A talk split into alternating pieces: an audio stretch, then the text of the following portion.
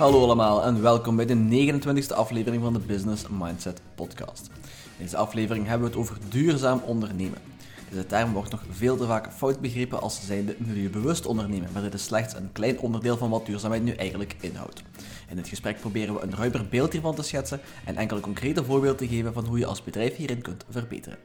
We voeren dit gesprek met twee ondernemers die deze waarden al jaren meedragen en uitstralen. Oshim Kumar en Jocelyn Geurts. Oshim Kumar studeerde ingenieurswetenschappen aan de VUB, waar hij in 2016 ook een doctoraat behaalde als vervolg op zijn studies. Hij zette vervolgens zijn academische kennis om in de praktijk met de oprichting van Conligo, een Brusselse start-up die als doel heeft om de ecologische voetafdruk van de evenementensector te verkleinen door duurzaam en lokaal geproduceerde poppenstructuren te maken. Naast Conligo is Oshim ook gastdocent aan de VUB en is hij ook lid van Belgium's 40 Under 40, een diverse gemeenschap van 40 maatschappelijke leiders onder de 40 jaar die samen nadenken over de uitdagingen van onze samenleving. Jocelyn Geurs studeerde handelsingenieur aan de KU Leuven. Na ongeveer 10 jaar in het werkveld maakte ze de sprong naar freelancer bij Cineton en begeleidde klanten doorheen hun digitale transformatie. Sinds januari 2021 is ze echter bezig met haar eigen bedrijf Axudo, met als missie om organisaties en bedrijven te inspireren tot duurzaam ondernemen. Met een concrete en pragmatische aanpak probeert ze bedrijven naar een duurzame manier van werken te brengen om zowel de bedrijven als de maatschappij succesvoller te laten groeien. Voor meer informatie over zowel mijzelf als alle gasten kun je altijd terecht in de description van deze episode. Daar vind je opnieuw een korte bio, als ook de links naar de social media accounts waar je hen kan bereiken. Dat was het laatste van mij. Hope you enjoy the episode.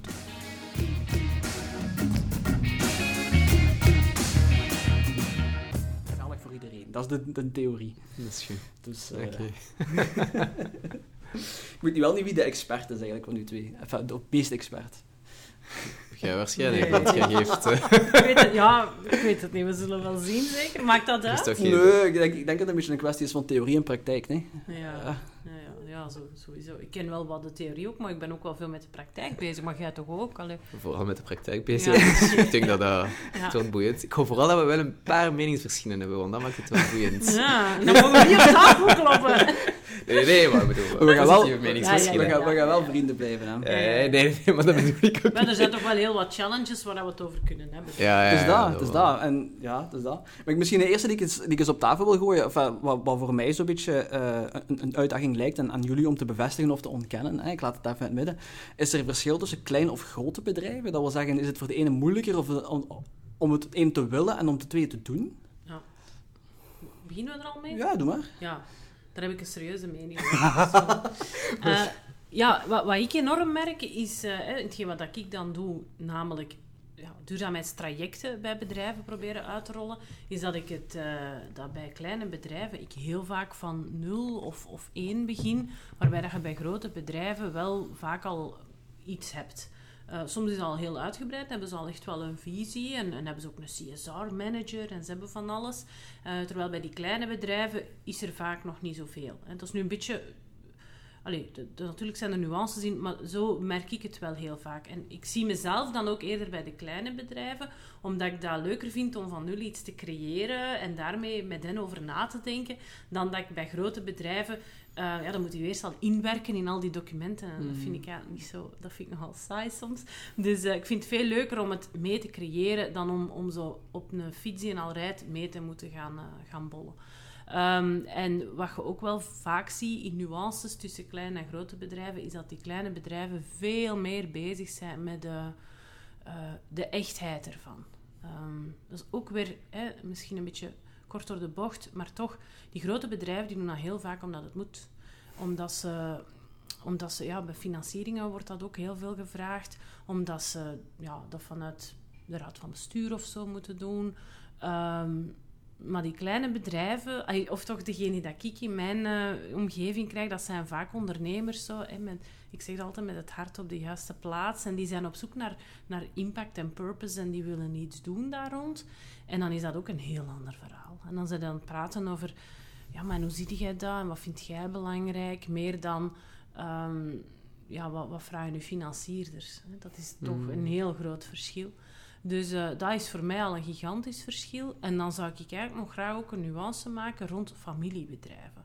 Wat mij gigantisch opvalt, is dat de familiebedrijven, waar dat zo van grootvader op, op, of grootmoeder, hè, op eh, moeder en, en dochter of, en, of zoon is doorgegaan, dat die veel meer bezig zijn met die lange termijn, met die duurzaamheid, ook weer hè, in het algemeen. En ja, ik ben er al de hele tijd over aan het nadenken geweest, eigenlijk al twee jaar of zo, dat mij dat opvalt. En volgens mij is dat eh, puur omdat zij eh, heel erg bezig zijn met, met, met, ja, met die, die erfenis. Hè. Ze, ze, ze hopen slash denken dat de kinderen dat ook gaan overnemen. En dus dat is belangrijk dat die lange termijn er is. En dan komt eigenlijk tot de essentie wat dat duurzaamheid is. Hè. Voor mij is duurzaamheid niet puur dat groene. Eh, voor mij is duurzaam ondernemen, ondernemen met het oog op de lange termijn. En dat zie je heel veel in familiebedrijven, zoals hè, bijvoorbeeld een JBC.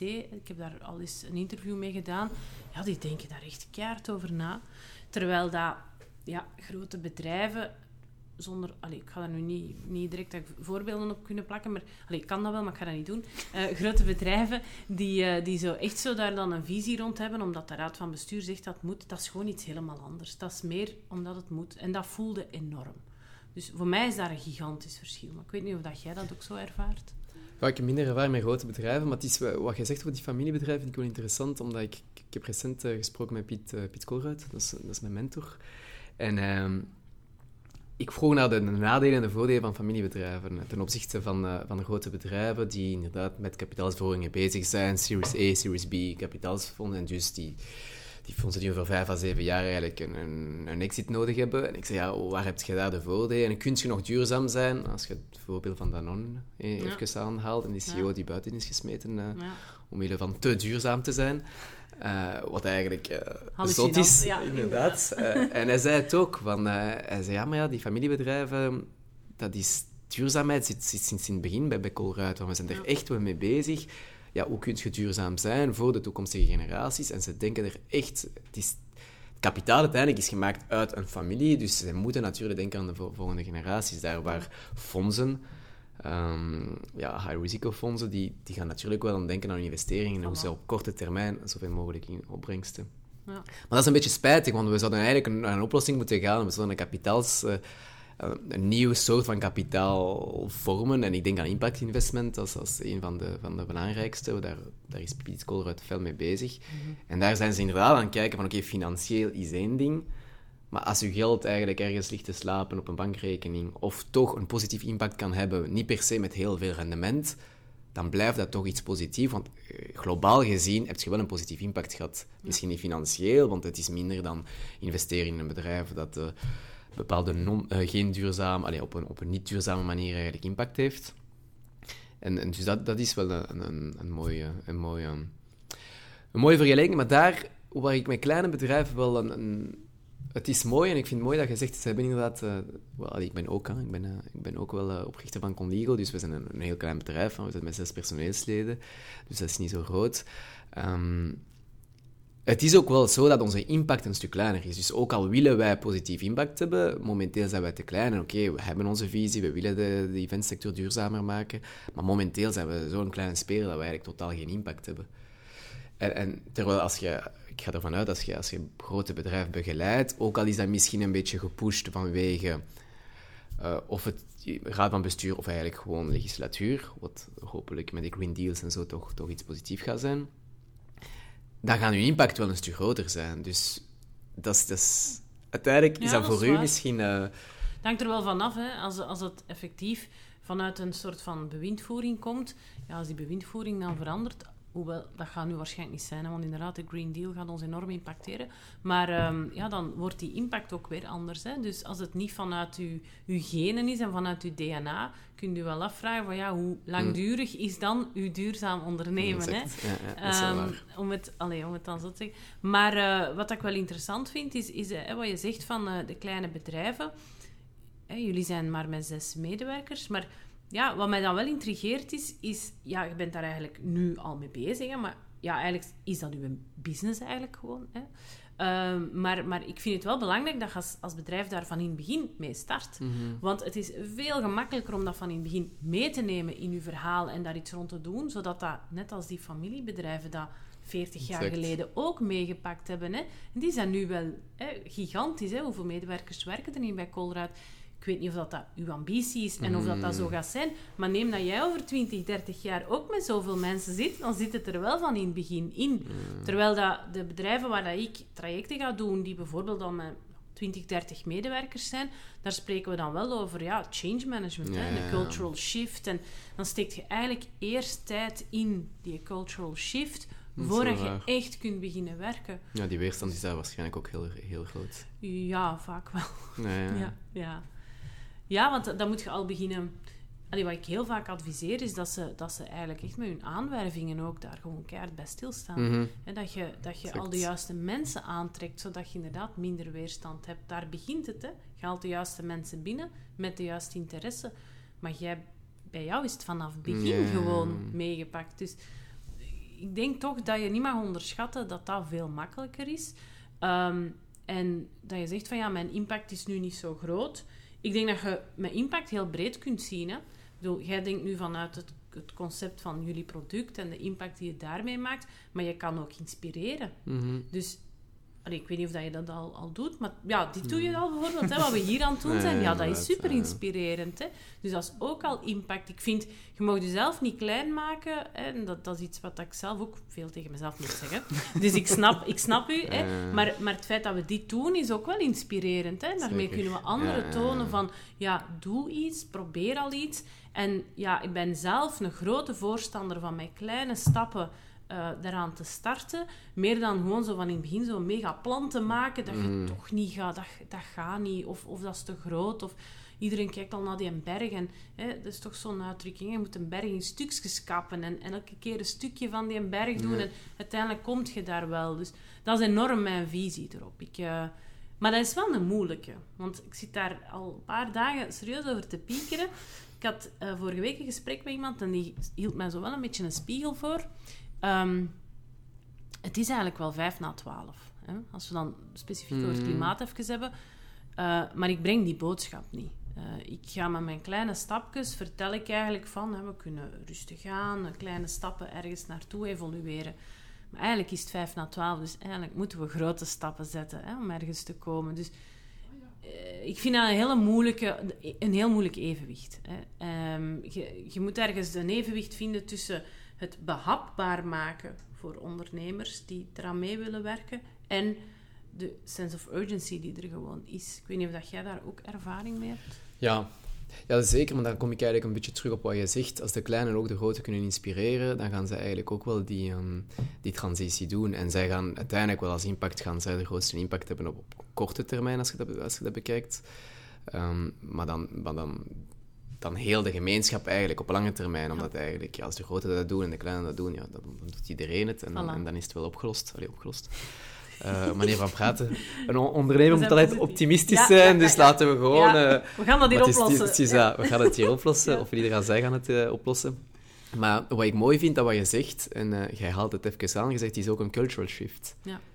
En ik denk dat dat heel belangrijk is, dat die, de bedrijfsculturen eigenlijk, en duurzaamheid is oké, inderdaad, hè, je wilt minder CO2-uitstoot enzovoort, dat kennen we allemaal, maar het gaat ook over de persoon, het gaat over de mentaliteit, het gaat, Ja. wat, wat, wat verwachten we uiteindelijk nu van, van bedrijven, en niet enkel op de impact en uitstoot enzovoort, maar ook naar hun personeel toe. Al die burn-outs enzovoort, dat is voor mij ook wel duurzaamheid. Als je dat niet kunt aanpakken, dan is er eigenlijk echt een probleem. Of het niet natuur is, of de mens, je moet eigenlijk de beide doen. En dan pas komt je naar een duurzame oplossing. Als je, Ja. je producten duurzaam zijn, maar als de mensen die daarvoor werken, dat ook wel op een gewone, duurzame manier daaraan kunnen werken, dan hebben wij op een oplossing. En, Ja. ja, en nog verder zelfs dan uw medewerkers. Voor mij gaat het ook bijvoorbeeld over uw klanten. ja. Dat je ook met je klanten Mhm. een eh, duurzame relatie opbouwt. Waarbij dat je ook weer met dat oog op de lange termijn je klanten op een juiste manier benadert. En dan het verlengde daarvan je leveranciers. Ehm, als je met mensen samenwerkt, niet het onderste uit de kan willen halen, in vertrouwen samenwerken met mensen, ervan uitgaan, die hebben hun prijs, dat zal wel Mhm. overeenkomen met wat dat ze nodig hebben. En ik ga dat betalen, daar niet over onderhandelen. Dat is nu een voorbeeld. Hè. Maar ik geloof wel, je hebt de, de drie P's, hè, People, Planet, Profit. Dat is, dat is al een heel oud begrip. Maar als je de people daaruit haalt, ben ik er ook wel van overtuigd dat dat heel breed moet bekeken Mhm. worden. Medewerkers, potentiële medewerkers, klanten, leverancier, eh, uw buren eh, waar dat je mee in het gebouw zit, eh, de, de, de gemeente waar dat je bij ja, waar dat je in zit. Dus ik zie dat ook wel heel ruim. Maar opnieuw om te inspireren. Want als, je, als wij een, een traject doen, het eerste wat wij doen is onze stakeholders in kaart brengen. Hè? Dus, en dan komen die buren en die, Mm. die, die mee in het gebouw zitten en zo, die komen allemaal naar boven. Ehm, en dan beslissen we samen van, ja, willen we dat op dit moment al meenemen, ja of nee? Eh, maar informeren gaan we die sowieso. Misschien niet betrekken of misschien niet mee laten beslissen, maar informeren wel. En dat is dat inspireren. Hè? Dan trekt je eigenlijk dat bedrijf in zijn, of zet je dat bedrijf in zijn verantwoordelijkheid om eh, bijvoorbeeld de buurtbewoners of de buren in het gebouw te gaan inspireren rond dat topic. Ik, ik, ik zet daar enorm op in, omdat ik zo hoop, olievleksgewijs, eh ja, mensen te veranderen. En inderdaad, die cultural shift, niet alleen binnen het bedrijf, maar ook ja, alles rondom dat bedrijf te gaan ehm, ja, implementeren. Ehm, ja, ik weet niet of dat je daar ook ervaring mee hebt eh, met, met klanten en leveranciers, waar dat jij vandaag mee omgaat. Van ja, hoe ga je daarmee om en, en heb je daar een duurzame relatie mee? Ja, we hebben zeker, want inderdaad, zoals gezegd, als je voor een duurzaam bedrijf gaat, bekijkt je dat volledig, eh, bekijkt je alle stakeholders. Dus een, een duurzame relatie hebben we wel. Maar wat, wat wel moeilijk is, is als je bijvoorbeeld, dus je hebt je, je, hebt je bepaalde waarden en, en, ja, en je missie en je visie. En het draait bij ons heel erg om duurzaamheid. Maar we hebben natuurlijk een product dat niet per se aantrekt omwille van zijn duurzaamheid. Wat eigenlijk iets positiefs is, want uh, het trekt aan omwille van zijn USP, en Unique Selling Ja. Propositions. Um, en duurzaamheid is er eentje van. Ja. Voor ons is dat het belangrijkste, maar voor de klant is dat meestal niet het belangrijkste. Mhm. Voor de klanten is dat omdat dat een structuur is die heel mooi is, die snel opzetbaar is, die modulair is, enzovoort. Maar dus soms hebben wij klanten voor ons die eigenlijk voor onze structuur kiezen, maar niet omwille van duurzaamheid, wat op zich niet erg is. Maar als ze daarmee iets onduurzaam willen maken, daar, daarmee bedoel ik eigenlijk voor één keer gebruiken, dingen willen laten printen Ja. en dan eigenlijk weggooien omdat ze volgende keer iets anders ermee gaan doen, dan begint het wel moeilijk te worden. Dus we proberen ze wel te inspireren, maar ja, als klein bedrijf heb je ook wel niet de luxe om, om, om, om gewoon altijd nee te Ja. zeggen. Wij proberen ze wel van mening te doen veranderen, we proberen dat wel ontwerpmatig eigenlijk zo te doen dat het toch aanpasbaar is in de tijd. En stel dat zij het niet doen, dan vragen we het gewoon om terug te, terug te sturen naar ons en wij kunnen daar niets nieuw mee doen. Maar dus, dat is wel een andere, een andere visie dat ze hebben. Ja. En, en daar hebben we het moeilijk mee. En, en ook vooral, maar dat is, dat, is, dat is in het algemeen met duurzame producten, die zijn niet goedkoper. Ja. Hm? Als je de waar. werkelijke kost wilt betalen van een product, ah, en- en eten ook bijvoorbeeld, als je de werkelijke kost wilt bet- betalen van je eten, is veel duurder dan wat je eigenlijk nu overal Ja, ja, ziet. dat is waar. Ehm, en vandaar dat biowinkels zo duur zijn, eh, denk ik. Ja. En dus dat, dat, dat is een, die, die prijs blijft toch momenteel bij velen, ik zou niet zeggen bij iedereen, maar bij velen de belangrijkste factor om een aankoop te doen, of beslissing. En, en daar is het niet altijd even makkelijk. Nee, dus dat dat is wel... eh, Maar ja, ik dan, hè, we spraken eruit over positief denken. Ik denk dan ook heel ja, positief daarin. Ehm, ik denk dan, ja, met hoe meer mensen dat we dat soort van producten kopen, hè, neem nu zo uit de biowinkel, met hoe meer dat we daar naartoe gaan, hoe lager de prijs wordt. Want ik heb ooit in mijn economiestudies dat geleerd, dat vraag en aanbod en heel die dingen. Dus ehm, en ik probeer daar heel positief in te denken en dan zelf daar ook gewoon het voorbeeld in te geven. Ehm, dus, maar ik snap wel wat je zegt. Anderzijds denk ik dat heel veel mensen, klanten, niet beseffen ehm, als ze bij jou hè, ehm, duurzame pro- of producten kopen die daar een duurzame insteek hebben, dat ze daar eigenlijk ook mee kunnen uitpakken. ja, ja. En, en misschien is dat iets dat je hè, ook maar meer kunt in de verf zetten. Want ja, hoe dat je het ook draait, of ik zeg niet dat iedereen hier moet aan greenwashing gaan doen. Hè. Dat is helemaal niet wat ik, wat ik wil zeggen. Maar ik zeg maar gewoon van, je kan maar inspireren als je erover communiceert. Dus waarom niet communiceren? Want kijk, dat zijn dingen die wij doen en dat zijn dingen die wij niet doen. En ik hoop dat je ooit kan evolueren naar wel kunnen zeggen tegen die klanten van eh, sorry, daar doen wij niet aan mee. Mm. Hè. Ik geloof dat ook wel, hè, dat op een bepaald moment gaat je een bepaalde grootte hebben. Ik ken zo'n bedrijf, hè, die, die, die, dat is nu wel een, een softwarebedrijf, maar die op een bepaald moment een klant hadden en die, die kwam in het nieuws met, met allerlei eh, frauduleuze praktijken. En die hebben gewoon die relatie stopgezet. Je moet dan al een bepaalde grootte hebben, ik snap dat.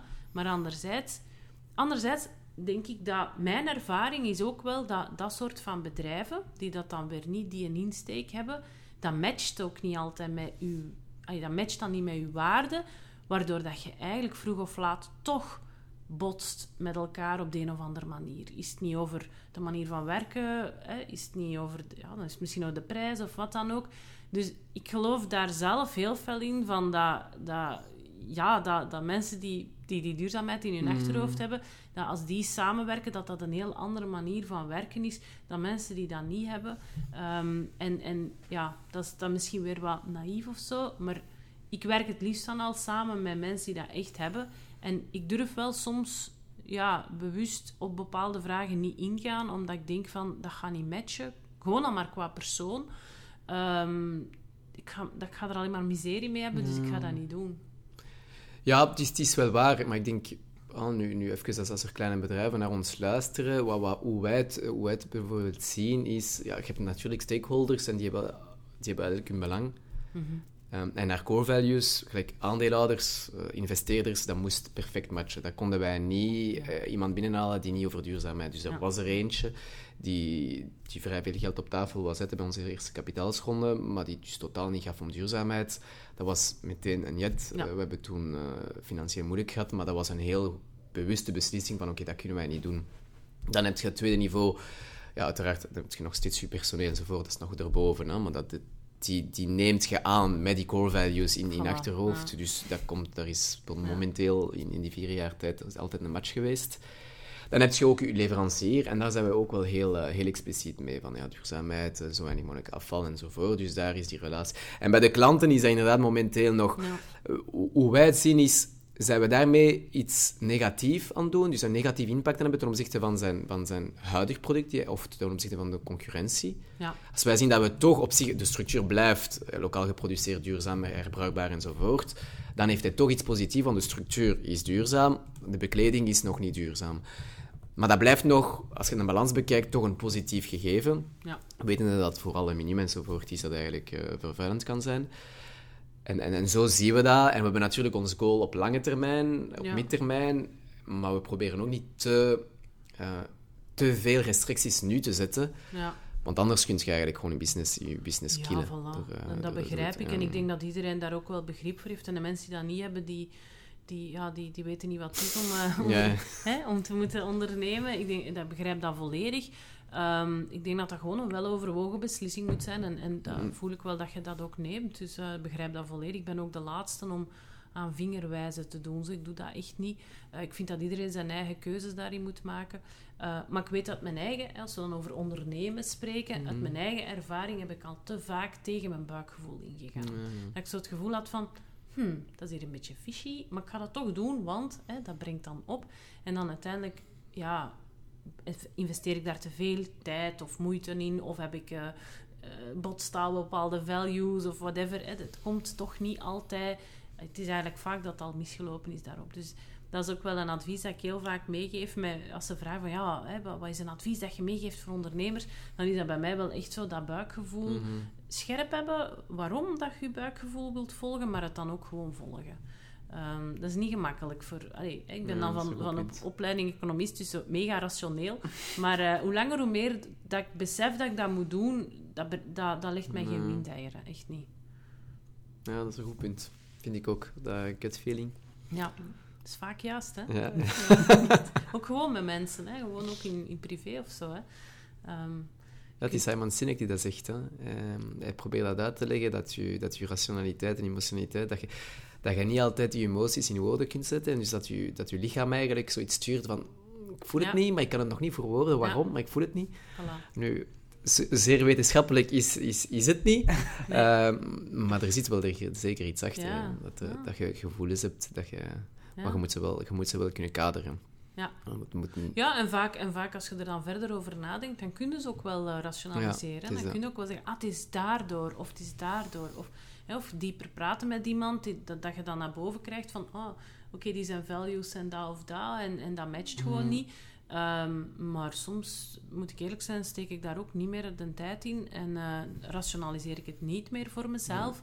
En, maar dat is misschien eh, iets dat ik doorheen de jaren geleerd heb hoor, want eh, vroeger deed ik dat ook niet. Maar nee, ik kom geen tijd aan verliezen. Want allee, we hebben niet zoveel tijd als ondernemer, toch? Hè? Het, eh, in ieder geval, ehm, we zijn dat daar juist al, hè? het is vijf na twaalf voor het klimaat, dus Ja. we kunnen geen tijd verliezen aan het rationaliseren van ons buikgevoel. Doen we niet. Zo denk ik dan. Hè? Ehm, pas op, zal misschien soms dan ook wel eens opportuniteiten missen. Maar goed, ik ga er al vanuit dat it was meant to be. Ik denk ook als je in die opportuniteit zoveel tijd moet steken dat je meer energie gaat kosten, dan weet ik niet. Enfin, dan heb je weer het verschil tussen de monetaire meerwaarde en de gevoelsmatige waarde en zo. Dus Ja. ik denk, allee, ik, ik volg wel in, in wat jullie zeggen. Ik heb ook al van bepaalde projecten zeer veel spijt gehad. Eh, achteraf gezien en, en ja, gewoon toen moeten kiezen omwille van, eh, vooral dan, voornamelijk voor mij dan de financiële redenen. Ehm, eh, maar goed, allee, dat zijn lessen die je meeneemt hè, Mhm. en wat, ja, wat je alleen maar kan hopen dat je andere mensen daar een beetje van kan, eh, kan behoeden. Ja. Dus, en, soms, en soms is het wel eens... Allee, ga je even door financieel heel moeilijke wateren. Ja. Maar eh, als je dan kan zeggen van ik ben toch bij mezelf gebleven. Allee, dat klinkt misschien nu heel naïef. Maar ja, voor mij is dat toch echt... Zolang dat ik dan kan zeggen van ik ben toch bij mezelf gebleven... kan ik dat voor mezelf wel eh, verantwoorden. En ineens komt er daar dan toch een opportuniteit. hè? Ja, Zeker. ja die is, zo. Hè. Wat was het van 100.000 jobs die ze niet gevuld krijgen of zo ergens iets in België? Niet als Ja. voor jobspecifiek, maar voor ondernemers zijn er dan ook kansen. Hè. Ik bedoel, dat, is, ja. Dat, is, eh, dat spreekt voor zich, denk ik. En zeker in onze wereld van duurzaamheid en duurzaam ondernemen, er is Mm. werk genoeg. Ze weten het Ja. alleen nog niet, maar er is werk genoeg. Maar dat is wel interessant wat je daar zegt, want allee, veel bedrijven, gelijk je, gelijk je zelf zegt, weten het nog niet. Anderen eh, hebben er wel van gehoord, maar houden bewust de boot af. Dus ik vraag mij dan af, wat zijn zo de, de, de, de, de waarom wels of de waarom niet? Eh, veel, we hebben daar dan al even gezegd, veel bedrijven doen het omdat ze erin geloven, anderen doen het omdat ze het moeten van bovenaf. Eh, wat zijn zo... Zijn er nog eens andere van die, van die eh, moti- motivaties? En wat zijn zo de tegenkantingen die je momenteel nog ziet bij, bij, bij de bedrijven om, om, Ja. om daarin te investeren? Ja, is wat ik heel vaak naar voren zie komen. Ik geef regelmatig gastcolleges op eh, hogescholen. En wat zie ik dan heel veel naar voren komen, is dat die studenten daar ve- veel meer in geïnteresseerd zijn dan mensen van mijn generatie, zal ik even zeggen. Ik ben eh, 42, dus dat is al een, eh, een andere generatie dan die studenten daar. Ehm, en eh, ik, ik ben nog redelijk... Ja, alleen is het niet, hè, maar we zijn met niet zo heel veel in mijn generatie. Maar die jongeren die zijn daar super hard mee bezig. Ehm, ik ben ook heel vaak bezig met, met potentiële stagiairs. En ook daar komt die vraag heel vaak naar boven. Dus een, een goede reden als ze voor de echte bedoeling, eh, als het echt is en authentiek is, is zeker eh, in de War on Talent eh, u, u profileren.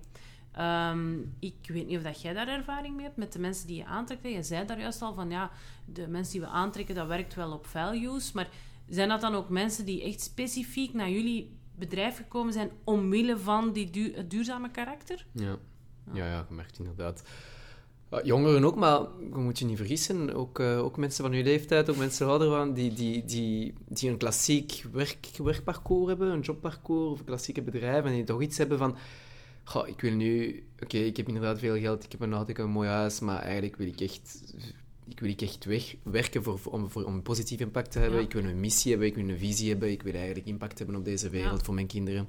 En dan doen ze een switch.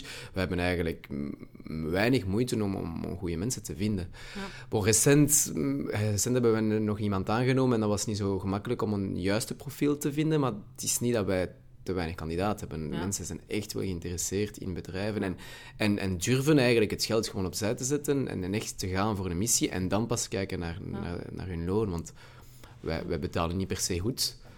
Uh, maar wat we geven in ruil is, uh, is, is denk ik voor hen, uh, allee, ik zie het, Ja, ik wel, veel meer waard Ja. dan het geld zelf. Ik Eigenlijk. geloof dat ook, geloof dat ook. Ken nog eens een- zo'n aantal bedrijven die al heel ver gevorderd zijn met dat duurzame ondernemen.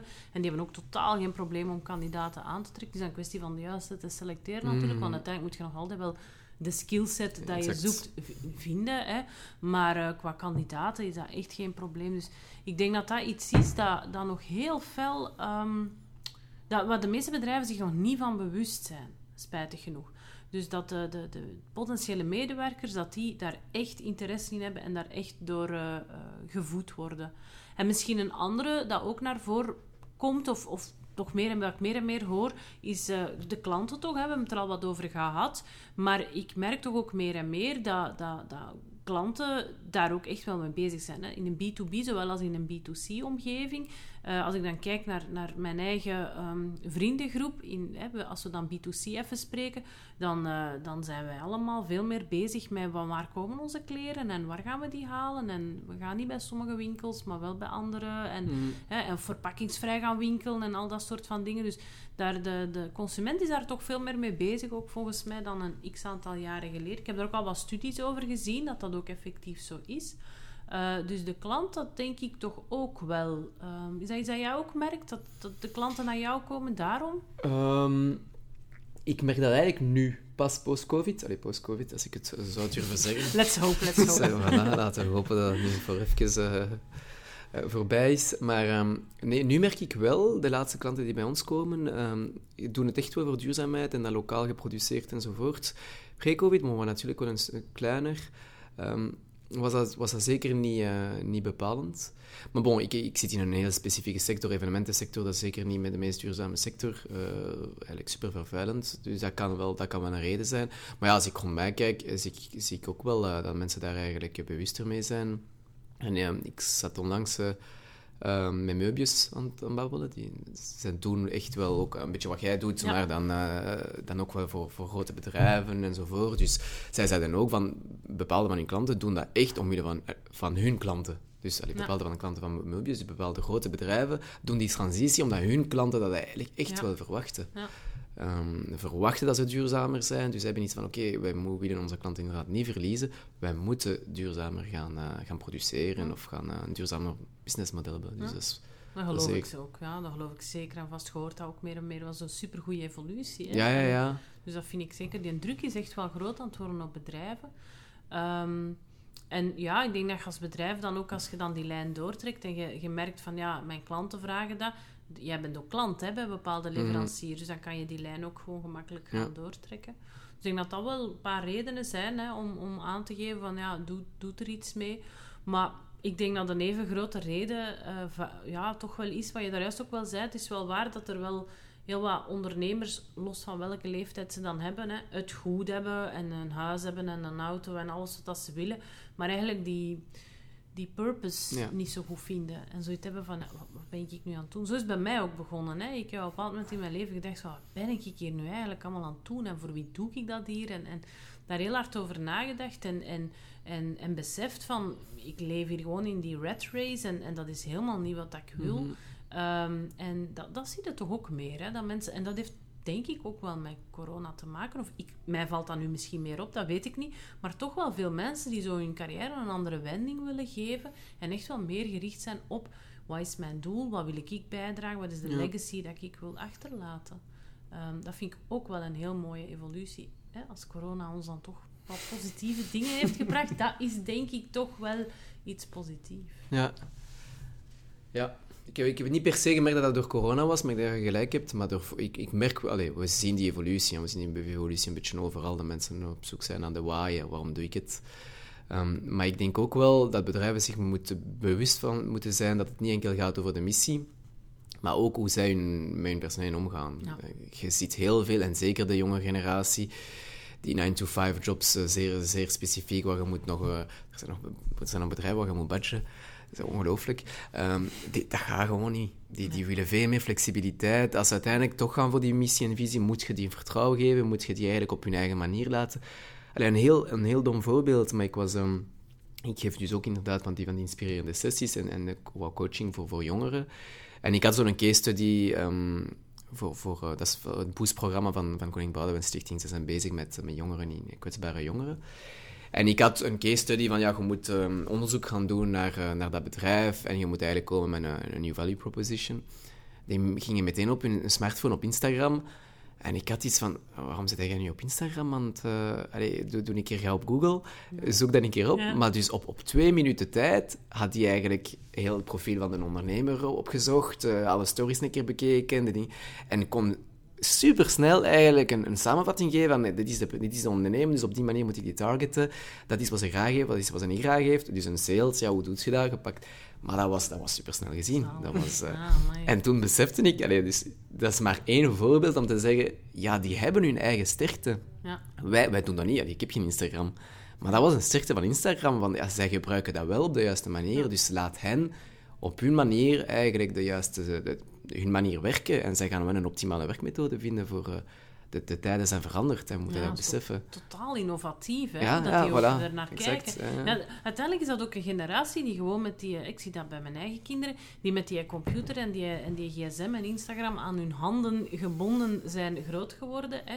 En eh, ik kan er soms wel eens over, over eh, klagen als eh, de kindjes daar te veel op zitten. Maar anderzijds, ze leren daar ook wel gigantisch veel uit. En waarom niet? Want uiteindelijk... ehm, ja, het is wel zo. Je vindt ook wel gewoon gigantisch veel informatie. Dus ik, ik, ja, ik kijk er soms ook naar dat ik denk van wow, dat, zo zou ik het nooit aangepakt hebben. Maar het is wel fijn om te zien. En het zet ook echt wel innovatie in gang. Hè. Ehm, je ziet ook wel meer en meer die nieuwe ja, manier van sales doen. Dat begint wel echt ook Ja. te komen. Hè. Het is niet meer zo die een old fashion van eh, we gaan eens samen goed gaan eten of zo. Dat, ik doe dat eigenlijk bijna niet meer. Ik zou dat af en toe wel eens doen. Maar, maar zo echt om een klant binnen te halen of zo, dat doe ik dat niet. Maar eh, ja, dat is inderdaad vaak met, met, met marketing en met nieuwsbrieven. En, en ik werk heel fel vanuit dat, ja, expertise ga ik het nu niet noemen, maar ik noem dat dan thought leadership. Hè, zo inspireren en tonen van hoe, hoe kan het en, en, en, en voorbeelden geven. En, en dat is toch ook al redelijk vernieuwend ten opzichte van hoe er pakweg 10, 20 jaar geleden aan sales gedaan werd. Dus eh, dat zijn alleen maar mooie, goede evoluties. Hè? Want uiteindelijk, diegene die daar die een Instagram-account is gaan nakijken, hè, eigenlijk is dat toch een veel duurzamere manier, want die weet al direct wat voor iemand is dat en wat vindt hij leuk. En, Tuurlijk, en dat is echt ja. op value dat je dan aan het praten ja, ja, bent. dat is, supergoed gedaan. Ja, hè? ik vind dat wel een goede tip. Ja, Ja, is- Even noteren. Ja, Ja. je een Instagram-account aan maken. Ja. ik heb dat wel al. Dus, Ah, eh, ja, ja, ja. Ik ben, eh, zover ben ik al mee. Ja, ja, Ja. veel beter dan ik dan. Wacht nog een paar jaar, dan kun je dat nieuwe kleine vragen of die even eh wilt gaan. Voilà. eh, Als je nog een paar jaar wacht, kun je dat nieuwe kleine vragen of die voor je het opzetten. Ja. werk doet. Maar zo is het bij mij begonnen hoor, eerlijk gezegd. Want ik zat nog zo old-fashioned op Facebook en toen kwamen mijn kinderen zo, ik denk dat ze zes en acht waren, en dan zei die, zeg, Facebook, dat is voor oude mensen. ik dacht, oei, oké, dan moet moeder eh, een, een tandje bijsteken. Ik zeg, en wat doen we dan wel? Ah, Instagram. Dus eh, ja, daarmee dat ik ook... eh, Dan zou ik toch stilletjes allemaal naar TikTok beginnen gaan. want ja, ja, eh, dat is- daar, daar- ja, daar zitten ze ook al op. eh, maar dat is voor mij nog net een stap. Ja. ja. Nu, als we het toch over, eh, over, over sales hebben eh, en, en klanten, is het voor, voor veel bedrijven al echt een verkoopsargument, de duurzaamheid, of is het eerder mooi meegenomen nog altijd? Want sommigen komen naar, specifiek naar jou toe, heb je net gezegd, maar is het... Is het allee, als, je, als je het in percentage moet uitdrukken, is het dan nog altijd... Nee. In de evenementensector, maar nu spreek ik heel, heel eh, eh, enkel voor mij. Dan kun je mij een antwoord geven, maar bij ons zeker niet. Dus 80, 20, 80 komt voor de andere reden en Ja. 20 voor duurzaamheid. En die 20 is eigenlijk heel recent, moet ik zeggen. We zijn nu met eh, bepaalde klanten bezig die echt rond duurzaamheid werken. Ze kunnen natuurlijk niet in China iets gaan laten produceren en naar hier laten overvliegen. Dat gaan ze niet doen. Maar de meeste zitten toch... Maar wat, wat niet slecht is, hè, want ik denk dat je uiteindelijk een, een, een duurzaam product hè, of, of dienst moet niet enkel verkopen omdat het duurzaam Ja, is. Nee, is Eh, het Ja. moet verkopen omwille van zijn andere argument. Het Ja. moet nog je leven kunnen eh, gemakkelijker maken en erbij nog duurzaam zijn. Dus eigenlijk moeten alle producten moeten duurzaam zijn. Dus het moet gewoon, het, het moet gewoon iets zijn van, gelijk, ja, je moet ademen, wel, je moet duurzaam zijn. Punt. Ja. Het- en dan pas moet je uiteindelijk een oplossing aanbieden voor de klant. Dus het is niet zo erg. Eh, Maar ik vind dat ook dat je volledig gelijk hebt. En ik heb ook zo'n studie gelezen waar dat in stond dat als je twee producten naast elkaar legt, waarvan dat prijs, hè, daar hebben we het ook al over gehad, prijs, functionaliteit, alles exact hetzelfde is, kwaliteit. eh, maar het ene ehm, is duurzaam en het ander is dat niet, dat mensen dan wel voor dat duurzame gaan kiezen in het meeste van de gevallen. Maar zodra er een van die andere parameters verandert, dan is het nog heel moeilijk. Ehm, en dan hangt het weer vanaf van wat voor iemand dat Ja. die consument is. En hè, ik zou dan bijvoorbeeld wel alweer voor die duurzame producten gaan. Maar ja, ik begrijp ook heel goed dat sommige mensen dat gewoon niet willen, niet kunnen. Niet... Ja, maar hoeveel Voilà. prijsverschil zou je toelaten? Ja, dat, is een, oh, dat vind ik een heel moeilijke vraag. Echt. Maar het is... Ja. Het is Ik had laatst eh, die discussie met... met ik was op een, op een school eh, waar ik... En daar zaten eh, ja, studenten en die vroegen ook aan mij... Ja, maar mevrouw, je verwacht nu toch niet dat als ik bij de Primark een jeansbroek kan kopen voor 10 euro en in een winkel daarnaast op een duurzame manier voor 100 euro, dat ik die van 100 euro ga kopen. Ja, en ik begrijp dat. Vanuit hun leefwereld begrijp ik dat. Anderzijds zijn er wel even goed jongeren die dat wel doen. En die wel zoiets hebben van, ja, liever die van 100 euro, want kwaliteit hè, en, en mijn principes, en ik voel mij daar beter bij, dan eh, bij de Primark binnengaan. Opnieuw is dat een kwestie van waarde. Ja, en die eh, waarde, maar kort. Maar ik denk wel dat we het, eh, zoals het net, het gaat over eh, dus die 100 euro, die gaan langer mee. Die, er zijn andere, dus het is vooral daarop dat we de focus moeten leggen. Dat is wat wij proberen te doen. Want allee, heel eerlijk, ehm, wij, we hebben ook een, een vergelijking van, oké, we maken het hier, we maken het in België. Wij doen het met... eh, mm, wij doen het zelf, eh, het, zijn, het is Belgisch materiaal, het is Belgisch gerecycleerd enzovoort, of hergebruikt. Maar dan hebben we een vergelijking gemaakt, maar moesten we dat in China laten produceren. Maar dat is zo goedkoop. Het is, allee, ik pak één element, er is één element, en, eh, ons duurste element kost 30 euro per stuk, hebben we zo 50 stukken. In China is dat voor 6 euro. ding.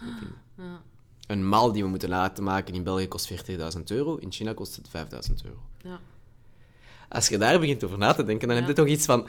Ja, maar hoe- mijn klanten, hoeveel prijsverschil gaan ze wel toelaten? Want er komt misschien een concurrent, oké, we zijn beschermd enzovoort, maar er komt waarschijnlijk een concurrent ergens anders die dat wel in China gaat laten produceren, die dat dus voor, voor... Ik zou zeggen, als je alles erbij pakt, de helft van de prijs kan laten produceren. Dus daarom dat we nu echt veel meer eh, nadenken over, oké, eh, wat kunnen we extra bieden? hè? Waarom kiest je voor duurzaam? Oké, eh, het is goed voor je core values, maar ik, ik denk nog steeds dat dat niet genoeg gaat zijn om mensen echt te kunnen overtuigen om over te stappen.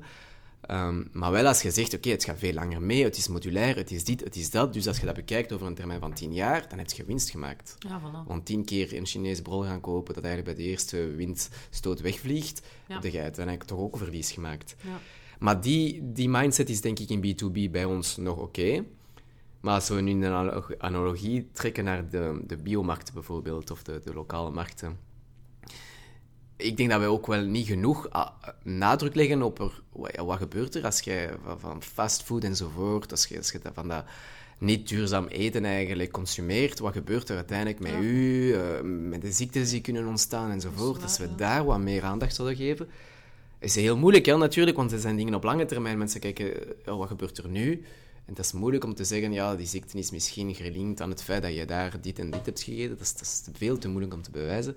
Maar die shift moet ook wel gebeuren, dat, zodat de mensen eigenlijk veel meer bewuster omgaan met, met hun aankopen, voeding. En, Sensibilisering, hè? Ja. Ja. Ja. nee, maar dat is heel wel juist. En, en, en als we terugtrekken naar die jeansbroek van, hè, van de Primark of die, die van, eh, van 100 euro. ehm, je hebt tegenwoordig ook jeansbroeken die dan eh, met, minder, ehm, met minder water worden gemaakt en die dan ook eh, van, van gerecycleerde vezels en zo.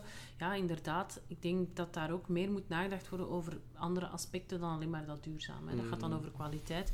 Ja, en let's be honest, we hebben toch allemaal al eens iets in de Primark gekocht en na twee keer dragen kun je dat weggooien. Dat is... Dat is ja, ik, vind- ik vind dat...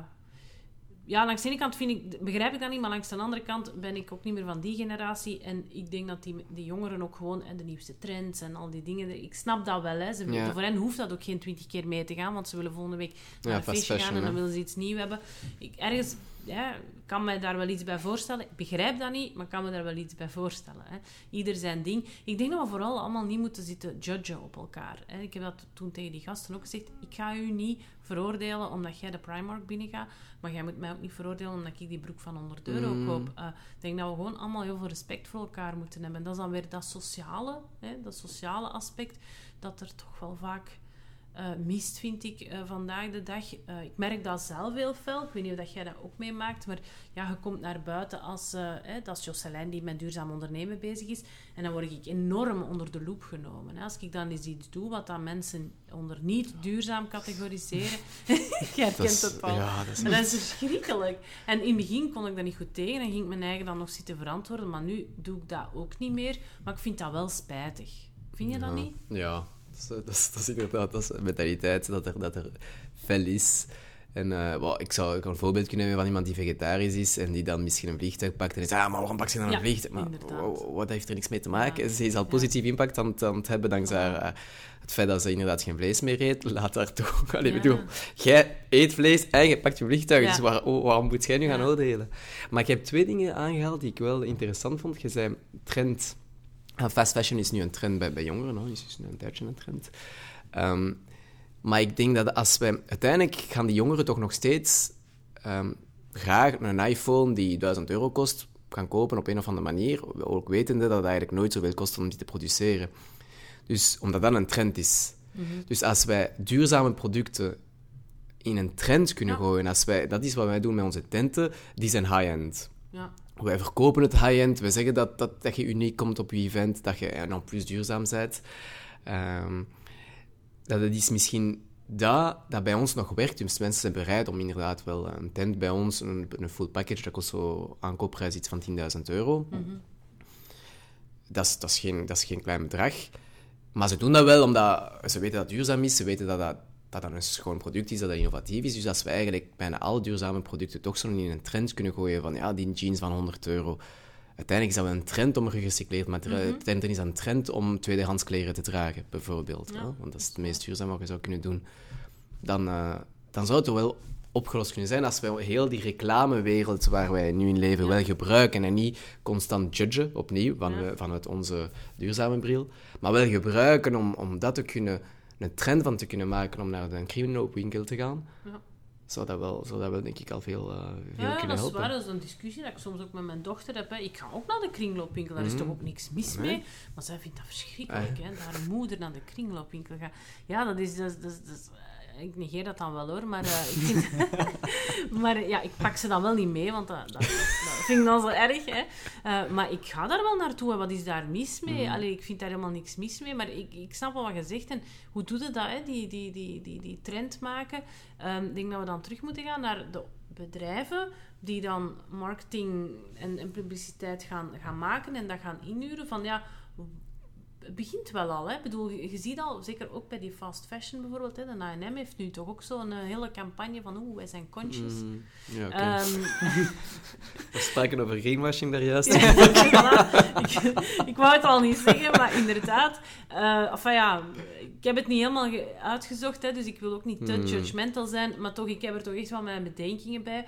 Ehm, maar, maar je merkt wel dat dat begint te komen, als zij er al mee naar buiten komen, van ja, het, is Ja. toch wel... eh, eh, fashionable of trendy om, om daar mee bezig te zijn, is misschien wel, weer, we zijn weer positief, misschien is er wel een trend Ja, ingezet. Hè? Het zou wel kunnen. Hè? Ehm, en ik vind ook wel, er zijn toch wel bepaalde groepen van jongeren ehm, die een stijl hebben en die dus effectief inderdaad naar tweedehandswinkels gaan. Je hebt zo echt zo van die tweedehandswinkels waar je zo, ja, echt de trendy stuff kunt kopen en vintage en, en, en retro. Ik vind dat wel een geweldig toffe trend.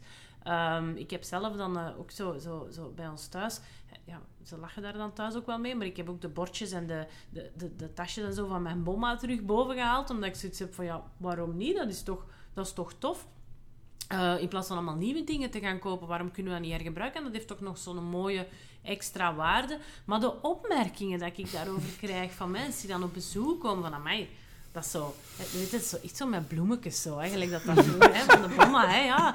Ja, maar Ah, ja. allee, wat is daar mis mee? Ik vind dat mooi, Maar ja, maar ik is krijg daar ik weet niet veel opmerkingen op. En dat is nu fediver, hè. ik Mm. trek mij dat niet aan. Maar je merkt toch, allee, je, je krijgt toch wel veel opmerkingen. En dat is spijtig. En bijvoorbeeld als je ook begint met vegetarisch eten, er zijn ook wel veel mensen die daar dan weer opmerkingen over hebben. Of dan, hè, ik hoor dat soms van een vriendin die, die vegetariër is en dan komt die ergens binnen. Dan, ah ja, voor u geen vlees zeker? Allee, wat eet jij dan? Alleen maar salaat? Allee, zo van die dingen. Hè.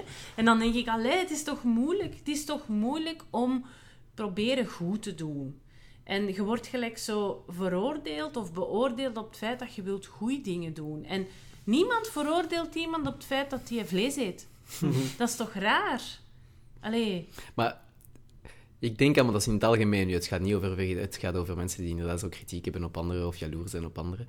Ik denk toch dat dat, dat, dat meestal een antwoord is. Allee, het feit dat ze zo reageren is omdat er bij hen eigenlijk dat ze zichzelf niet zo goed voelen bij het feit, of zelf beseffen van, ja, die persoon is moeite aan doen om duurzaam te ik doe het niet, dus ik ga toch even nog een kritiek geven, omdat ik mij eigenlijk nog niet in balans Ah, ja. voel in mijn eigen. Dat is een Ja. beetje het, het idee dat ik eh, recent heb gehad over eh, mensen die constant zo opmerkingen geven over van alles en nog wat, en het eigenlijk toch ook niet beter doen. Dat is gewoon om hen een beetje zo... Dat is een schild Ja. eh, dat, dat ze gebruiken om, om, om minder naar, naar hunzelf te gaan kijken van wat kan ik beter doen. Terwijl als je eigenlijk zelf in balans zit... En het, ik merk dat ook bij mensen die bijvoorbeeld vegan zijn geworden. Je merkt dat ze in het begin heel fel hun moeten verdedigen. Want inderdaad, vegan, dat is, dat is, dat is nog moeilijker. Ja. Ehm, maar eens dat ze dat eigenlijk gewoon aanvaard hebben, dat ze dat zijn en, en, en daar eigenlijk in vrede mee zijn, dan stoort al die opmerkingen niet meer. Omdat ze iets hebben van, weet je wat, ik zit goed. Ik heb mijn Doet jij, die, doet ja. jij je ding. En eh, Ja, als je zo kritiek waar. hebt, dan denk ik dat je het gewoon eigenlijk verkeerd ziet. Ja. Dus dat is misschien... eh, Ja, dat is een goede, nuance. Ik ga hem meepakken. Dat vind ik echt wel een goede. Ja. Ja. Dat zijn zo van die dingen die altijd terugkomen. Hè. Dat is, eh. maar je zei daarnet, eh je zei daarnet het reclame. Hè. en Ik vond dat een hele goeie. Weet je trouwens wat het meest gebruikte woord is in, in reclame?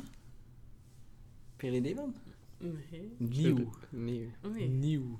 En dat, dat speelt eigenlijk in op wat, wat je juist Ja. zei. Het feit dat iets, dat iets nieuw is, is dat, is- dat, dat trekt kennelijk enorm aan. Dus het feit, bijvoorbeeld tandpasta, dat is een heel mooi voorbeeld daarvan. Als je, als je nou, voor het, het, het rayon staat met een tandpasta, dat zijn, er, dat zijn 20, 30, 40 verschillende opties die je kan kiezen. En uiteindelijk is dat gewoon een klein smaakje wat een heel klein beetje veranderd is en is dan een nieuwe formule. En Ja. zo, zo dat verkoopt kennelijk enorm hard. Ja. Ehm, en dat brengt me eigenlijk tot mijn volgende vraag, omdat allee, het is een beetje de een beetje kip en het ei probleem, vind ik. Van waar moet de, de, de injectie eigenlijk komen? Want in principe zou je als consument kunnen zeggen van kijk, ik doe daar niet meer aan mee, ik koop gewoon de normale dingen. Langs de andere kant kan je als bedrijf ook zeggen van kijk, ik ga die trend gewoon niet meer meedoen en ik ga gewoon duurzaam worden. Enfin, niet meer op dat, op dat gevoel inspelen eigenlijk van mensen. Mensen niet meer truceren om iets nieuws te kopen. Dus, dus allee, ik weet niet, daar kan, daar kan niet echt een, juist of fout antwoord op zijn, denk ik. Maar aan de andere kant ben ik wel eens curieus hoe, hoe jullie erover denken. Van, van, waar, van waar moet die, die, die, die hefboom komen eigenlijk? Volgens mij van alle kanten. Kwestie dat vijf na twaalf is. Nee, ik vind, ja, het is een kip of het ei discussie. Ik vind dat niet gemakkelijk. Je hebt, je hebt het punt. Langs de ene kant denk ik dat we als consument echt wel een punt kunnen maken. Hè, bijvoorbeeld, eh, wij hebben nu niet zo ver van ons een verpakkingsvrije winkel. Daar heb je één soort tandpasta en that's it. En ik vind dat geweldig. Ik moet niet meer kiezen. Ik moet gewoon maar pakken wat dat er ligt. En dus eh, ik ga daar graag naartoe, omdat dat voor mezelf ook gewoon een soort van rust brengt. Geen keuzestress. Voilà, geen keuzestress. gewoon, we pakken wat dat er ligt en that's it. Ik vind dat heel gemakkelijk. Maar anderzijds voelt dat ook goed om daar naartoe te gaan. Mm. En daarom ga ik daar ook naartoe, om, om dat te steunen. Ehm, dus ik denk dat je als consument, als je zo wat, ja, daar de juiste impuls aan kunt geven, van ik, ik wil dat allemaal niet meer, al die te veel en al die plastic verpakkingen, al die, al die, die, die, ja, die, die gigantische winkels, dat hoeft voor mij allemaal niet. Ik denk dat dat zeker al wel een impuls kan zijn. Maar ja, langs de andere kant zijn het de bedrijven die het produceren. Hè? En, en denk ik dat er daar ook werk aan de winkel is. En, en, eh, en, dan hebben we het nog niet over de overheid gehad. Hè? Ehm, wat dat zeker niet mijn paradepaardje is, in tegendeel. Ik geloof zelf heel fel in de kracht van bedrijven. Ik denk dat ondernemers en, en bedrijven dat die echt wel een verschil kunnen maken. Ehm, meer dan al die andere partijen dat we opgenoemd hebben. Eh, dus ik zou zelf geneigd zijn van te zeggen van we starten met de bedrijven. Maar dat is natuurlijk ook wat ik doe. Dus ja, dat klopt al wel. Hè. Maar ehm, ik denk dat van overal een beetje moet komen. Ik weet niet wat jij Ja, ziet. zeker. En ik kan niks toevoegen over, over wat je zei. Wel over overheden. Ik denk dat je daar... ehm, dat zeker hun impact niet... Allee, hun impact is, is daar. En ook al zeggen we, ja, maar dat is dan... dat is extern. Want uiteindelijk, je hebt eh, de relatie tussen eh, klant en, eh, en leverancier. Maar dan heb je inderdaad de overheid. Maar ik, een, een, een voorbeeld is de Green Deal. Dat gaat, dat gaat duidelijk de bedrijven duwen naar een, naar een meer duurzame aanpak. Ja. Maar bijvoorbeeld bij ons, ehm, recent hebben ze import, importtaxen toegevoegd op ehm, aluminium vanuit China voor een specifiek ding. Maar er zijn nu veel meer, eh, veel meer mensen die in België produceren. Dat is een... Oké, eh, dan is de vraag van hoe, hoeveel moet de overheid in een vrije markteconomie zich, zich bemoeien? Maar ja, we moeten veranderen. Hè? Ik bedoel, Ja. oké, we hebben onze vrije markteconomie. Kapitalisme he- heeft zijn, eh, heeft zijn positieve kanten, maar heeft zijn negatieve kanten ook. En wij moeten dat durven op tafel zetten en durven kijken van ja, op welke manier kunnen we dat... En ze doen dat, hè? dus dat is niet... We zijn hier geen warm water aan het uitvinden. Maar dus hun, hun bijdrage is zeker belangrijk. En de, en de drie tezamen gaan ervoor zorgen dat het, uh, dat het gaat veranderen. Ja. Ik wou nog even terugkomen op die, dat HLM-verhaal, want we hadden het over, um, over uh, um, greenwashing. Maar wat wel goed is uh, aan dit, is wat je zegt, en dat is een inspiratie. Stel dat zij dat inderdaad echt doen, het goed even, want als iedereen iets heeft van, die, die zijn echt zo into greenwashing, of tegen greenwashing. Het is wel waar dat zelf van hun bedrijf misschien niet volledig duurzaam is, het feit dat er bepaalde stappen ondernemen worden, en ik kan wel snappen dat een bedrijf gelijk HLM, die alles in Bangladesh produceert voor, uh, voor 1 euro... Uh, maar ik ga voor de prijzen niet starten. mijn ouders zijn van Bangladesh, dus ik weet een beetje hoe het daar loopt. Um, maar dan toch, al doen ze een beetje reclame over duurzame, uh, duurzaam ethiek uh, enzovoort, dan is dat wel goed als inspireren voor iedereen die er rond is. En dan moeten zij maar stilletjes, stilletjes uh, die, aan die verandering beginnen. Ja, ja, ben ik het wel mee eens. Dat is waar, want allee, we, zijn, we zijn zelf heel net bezig over proberen hè, wat, niet, niet, elkaar te veroordelen. Mm. Dus dat is waar hoor, je hebt gelijk. We moeten, we moeten... En ik geloof daar ook wel in, want uiteindelijk heeft een H&M ook wel gewoon een grote impact op die jongeren. En, Mm. En, en is het omdat het daar gezegd wordt dat sommige jongeren er ook veel meer mee bezig zijn. Mm -hmm. Maar uh, kunt u wel de vraag stellen bij het feit dat een uh, zelfbedacht label...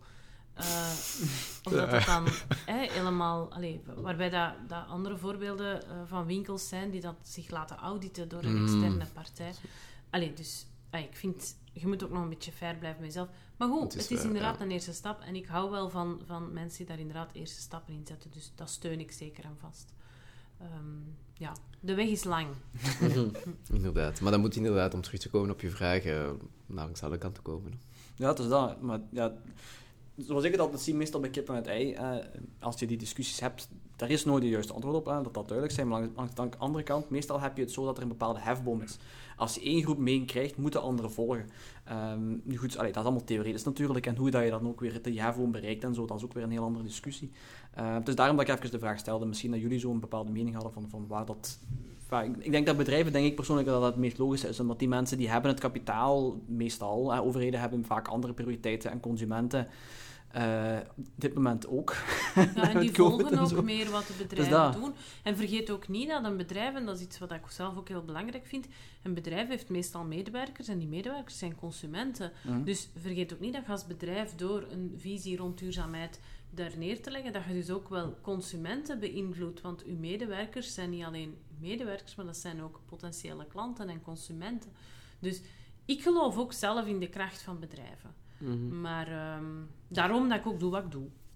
Ja, maar ik denk dat wij uh, voor, voor die bedrijven, ik, ik denk ook wel dat, dat ze een groot impact kunnen hebben en ze gaan een groot impact hebben, maar er moet zeker, en dat is om terug te keren op het begin van ons gesprek, er moet daar ergens iets veranderen naar, naar de manier waarop de, de raden van bestuur enzovoort werken. Hè? Want oké, okay, een bedrijf heeft flexibiliteit, maar als, als iedereen bekijkt en, en moet, moet, moet winst en jaar op jaar winst boeken en, en na vijf jaar wordt je veroordeeld ja. voor omwille van zijn CEO-schap.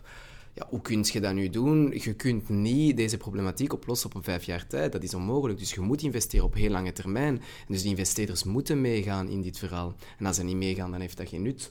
Ja. Want jij gaat als CEO, met een druk van je raad van bestuur, gaat je uiteraard zoveel mogelijk positief impact proberen te hebben, maar ervoor zorgen dat je nog steeds winst hebt of dat je je aandeelhouders uh, um, blij houdt. Ja. En dat is, dat is denk ik de dualiteit die momenteel echt nog niet... Uh, er, er wordt nog niet genoeg, genoeg tijd geïnvesteerd om, of, of debatten georganiseerd, denk ik. Er worden er wel sommige, maar niet genoeg. Over kunnen wij heel de aanpak waarop we bedrijven financieren, waarop we bedrijven ja, die, die leningen aangaan enzovoort, kunnen wij dan een keer terug bekijken en zien van, ja, hoe kun je nu op een impact investment, hoe kunnen we dat echt wel, veel impact lending enzovoort, veel meer pushen, ja. Dat dit eigenlijk wel een soort van norm wordt. En dan pas kunnen wij, denk ik, de bedrijf, hebben de bedrijven een soort van ademruimte Juist. om dit wel aan te kunnen. Ja. Want, uh, Ja, dat is waar. Ja, en, en, en nogthans zijn er heel veel studies ook die aantonen dat uh, beleggingen in, in bedrijven die een duurzame insteek hebben ten opzichte van beleggingen in bedrijven die dat eh, niet per se hebben of daar niet, niet zo mee naar buiten komen, dat die eerste echt wel een grotere, op heel lange termijn, een veel Voilà, groter rendement hebben. Dus wat mij dan ook verbaasde toen je dat daar straks zei, van, hè, je, had, je had een investeerder, een potentiële investeerder, die die waarde niet had, maar die zag dus dan duidelijk ook niet dat die een insteek een langer, een, op lange termijn een hoger rendement kan geven. Want anders dan... Ja, dan Nee, zeker niet. Dat was productie in China en eh, we gaan het zo goedkoop mogelijk maken en, eh, en, en totaal niet duurzaam. Dus, eh, Dat is korte termijn denken. Ja. Hè? Ja, dat is, ik wil snel cashen. En, en, ja. ja, dat vind, ik, dat, vind ik, dat vind ik nog altijd frappant dat dat ook op dat niveau eh zit. Daar had ik eigenlijk nog niet bij stilgestaan. Ik merk wel dat banken ook wel veel meer daarmee bezig zijn. En ook wel veel meer al vragen naar, hè, als er leningen gaan, dat, dat, dat duurzame projecten toch wel wat voorrang krijgen. Allee, dat wordt dat wel, maar als je, als je echt diep gaat kijken naar, naar, naar die portefeuilles... Naar Triodos bijvoorbeeld zo'n bank is, hè? Ja. Eh, vrij bekend daarvoor, maar die, die hebben heel veel moeite. Hè? Dat is Ja. echt niet gemakkelijk. Eh, wij wouden, ze, wij hen ook, eh, allee, we wouden als bedrijf bij hen ook wel wat, wat geld gaan lenen, maar dat is, ze, ze kunnen bijna geen risico's nemen, ook niet. Dus ze zitten in een, ze willen in duurzaamheid investeren, maar ja, ze kunnen niet te veel risico's nemen, want dat is een, dat is een kleine bank. En, en, en die grote banken, die, die hebben natuurlijk van die... allee, Ik heb ook een, in, bij KWC heb ik een eh, investeringsfonds in een, een green ding. Maar ik weet ook in mijn eigen dat dat... Dat, dat ik beter in Triodos bijvoorbeeld, eh, bij Ja. Triodos zou, zou gaan, Ja. in plaats van, eh, van, van die standaardbank. Alleen niet, niet om kritiek te geven op KBC, hè. ik vind dat een hele goede bank. Want het is gewoon... Er, er, er is, volgens mij is, is dus het kip of het ei verhaal, dat zit eigenlijk nog hoger. En dat is een mentaliteitsshift. Dat is, hoe wordt een kip gemaakt en hoe wordt een... Ja, Allee, van, wat zouden we dat niet op een andere, op- hoe zouden we dat niet op een andere manier kunnen bekijken? Dat, zou, Ja, dat zou misschien wel, eh, wel interessant zijn. En. Ehm, en ik denk dat, dat die debatten echt moeten, want als we, als we te klein kijken... en Daar kan een consument bijvoorbeeld wel, eh, wel een, een, een verandering brengen, want als een consument zelf begint inderdaad zijn, eh, zijn kooppatroon aan te passen en dus geld bij te brengen aan mensen die, of bedrijven die duurzaam bezig zijn, dan komt er wel geen in het laden en kun je dat wel dan terug gaan verde- verdedigen bij investeerders. Maar ik vind nog steeds dat dat niet de juiste mentaliteit is, want je bent nog steeds met geld als eerste factor je beslissingen aan het nemen. Ja, En dat gaat je nooit lange termijn. eh. En in de politiek zitten we daar ook met hetzelfde probleem. Hè. Politiek die worden voor vier jaar à zes jaar eh, verkozen. Die Ja. moeten in die vier, vijf, zes jaar moeten ze eigenlijk zoveel mogelijk realiseren. Voilà. Dat is totaal niet duurzaam, dat Nee, model. nee, hè? nee, Ah, dat is- We dat kunnen is nu op vier à zes jaar iets doen. En dat is gewoon geen lange termijnvisie Je achterin. kunt niet investeren. Hoe, Nee. hoe ga jij investeren in iets van lange termijn voor België, wetende dat je dan eigenlijk in je budgetten gaat knippen, maar jij gaat niks betekenen op vier jaar tijd. Dus Ja, dat en daarna een- wordt je opzij geschoven omdat je geknipt hebt. Mhm. hè? Dat is zo, hè. Ja, dat is, dat is- maar ja, dat komt er een beetje op neer. En nu, nu is het misschien heel, heel eh, high level. Maar ik denk dat wat je daar straks zei, hè, dat het, het, het neoliberalisme waar dat we in zitten, dat dat gewoon... Ja, dat is, dat is niet de juiste vorm. Dat is niet wat we nodig hebben. Ehm, en ik weet ook niet wat we dan wel nodig hebben. Hè. Maar eh, dat- alle dingen die we hier aan het opnoemen zijn, dat, dat uiteindelijk die, dat geld... Dat is eigenlijk toch zo fout dat, dat alles zo hard bepaald wordt door, door geld. Het is, het is wat het is natuurlijk, hè, maar dat uw bedrijf meer of minder waard zou zijn omwille van zijn winst of verlies, dat is toch eigenlijk raar. Ik zeg dat vaak van mijn grote droom, hè, is dat we op een bepaald moment een beurs hebben hè, waar dat bedrijven worden geafficheerd op basis van hun, hun impact. Dat zou super zijn. Ja. En, en dat, dat bedrijven ook gewoon, hè, dat de koers bepaald wordt door de impact die ze hebben. Mhm. En, en pas op, daar moet dan goed over nagedacht worden dat dat allemaal ehm, eh, ja, feitelijk is en zo, dat je daar niet mee kunt foefelen en zo. Maar dat zou toch iets helemaal anders zijn dan gewoon op basis van dat aandeel. Want allee, wat is dat nu Ja. eigenlijk? Allee, Ja, en impact, zoals je zei in het begin, is ook niet enkel impact van ja, hoe duurzaam ben ik momenteel. Dat is ook in de lange termijn. Hoe Ja. lang blijft dat bedrijf goed runnen, omdat ze inderdaad een goed personeel, eh, een goede staf heeft, eh, dat ze een lange termijnvisie hebben enzovoort. En- en Investeren dat in is- hun medewerkers, Voilà, eh, dat, ja. dat is impact Ja. uiteindelijk. Is dat, ja, Ja. zeker, dat zou, dat zou super zijn. ja. En het kan. Ik denk dat, dat wij echt wel... Ze, ze voegen nu indices toe enzovoort. Hè. Ik denk dat... ehm, dus bij ons hebben wij, bij Condigo, hebben we een impact investor. Allee, een impactfonds. Ehm, en zij kijken dus niet enkel naar uw eh, zogezegde EBITDA. ehm, ja, dus, dus puur cijfers, winst, verlies en, en kosten. Maar eh, kijken ook naar de impact. Wat wil je bereiken binnen vijf jaar? Pure positief impact. En, en Ja. het zijn die twee getallen die voor hen belangrijk zijn, dan meestal kun je dat reduceren naar CO2-uitstoot. Dat is niet enkel dat. Je kunt ook naar je personeel gaan kijken, maar dus die, en hoe, die hoe meten jullie dat specifiek dan? Die een impact, hoe meten jullie dat vandaag? Ja, dus het is, het is altijd heel moeilijk om die zaken te meten. Dus wat wij, nu, eh, wat wij nu aan het doen zijn, we zitten echt in een traject en dat is dus een, een heel, heel lifecycle analysis van ons product. Hè. Van waar komen die, wat is CO2-impact van, of uitstoot van transport enzovoort. En dan vergelijken dat met een soort van standaardproduct. Dan zie je zoveel winst CO2-uitstoot kun je hebben ten opzichte van een standaardproduct, moest je voor, onze product, voor ons product kiezen. Ja. Dus op die manier kun je een getallen plakken. Maar dat blijft altijd een gemakkelijke veronderstelling om dat getal eigenlijk te definiëren. Dus die is, het, is, het is geen gemakkelijk getal om te definiëren. Nee, nee, nee. Maar ja, Maar- die zaken gaan wel... Dat, Ja, want dat gaat beter worden. Dat- en zo. Je gaat met die EU-taxonomie toch ook wel een aantal standaardiseringen Ja, krijgen, waarbij dat je dus wel naar zo, hè, die beurs dan kunt gaan evolueren, want iedereen gaat veel meer verplicht worden om binnen bepaalde, ehm, ja, met bepaalde indicatoren te gaan rapporteren en zo. En dan ga je wel kunnen vergelijken onder elkaar, Mhm. want vandaag is dat gewoon bijna niet haalbaar. Hè. Je moet al bijna binnen dezelfde sector, kun je eventueel al vergelijken, maar dan nog, hè, dat, dat is heel moeilijk. Dus ik, ik heb wel veel hoop daarvoor om, om die standaardisering eh, te hebben. Hè? Want ehm, ja, zoals dat een, een aandeel een bepaalde waarde heeft en dat je dus bedrijven kunt vergelijken op basis van hun aandeel, zou je dat ook moeten doen met een soort van ja, purpose value of shared value of, of hoe dat je dat Ja. dan ook noemt. Hè? En, en dat je op basis daarvan kunt gaan beoordelen. Hè? En dan zit je in een andere wereld. Hè? Mhm, Dan mhm. is geld bijzaken. Ja, en ik denk dat dat een logische evolutie is. Eh, neoliberalisme was nodig voor de groei die we... Ah, het, is, het, is, het is heel positief geweest. Hè? Als je... Het gaat over positieve dingen. We hebben, we, hebben, we hebben er heel veel vruchten van geplukt, maar er is, zoals wij evolueren, alles evolueert, er is nu een evolutie nodig. En dat is, eh, dat is naar daar dat we moeten gaan. En De dan- limiet is bereikt. en voilà. Ja. En dan gaan we wel binnen, binnen x aantal jaar gaan we het nog iets hebben over die positieve impact, dat dat niet positief is enzovoort. En dan gaan we nog iets anders uitvinden, maar dat is niet erg, want dat is, dat is zo dat we evolueren. Ja, ja, voilà. Dat, heeft, eh, dat, is, dat is... Ja, maar Dat de maakt het toekomst is positief, hè, natuurlijk. En we gaan er wel uit geraken, hè, hopelijk. Maar, ehm, maar, maar er is nog veel werk aan de winkel. En, en, en, en eigenlijk moeten we gewoon met z'n allen doen. Dat is het. En, en, En, en gelooft je dat dat kan, ehm, zonder echt ehm, een harde crisis? En ik heb het niet over corona, ik heb het echt over iets dat ons gaan verplichten om die transitie te doen, daar waar wij nu het willen doen, omdat wij zien dat het 5 voor 12 is. Nee, ik denk dat er een harde crisis nodig is. Allee, kijk nu bijvoorbeeld gewoon naar, naar hè, dat thuiswerken, digitalisering en zo. En daar Mm. spreekt men al zo lang over. En het is maar gewoon door de coronacrisis dat dat nu ineens kan. Hè. Er zijn bedrijven waarvan dat je niet mocht thuiswerken, waar dat dan nu gewoon moest. Ja. En je had geen keuze meer. Dus ja, er gaat een harde crisis nodig zijn. Sorry voor de, de luisteraars, voor de iets Exact. minder positieve boodschap. Maar ja, ik denk, misschien is dat wel des mensen. Hè?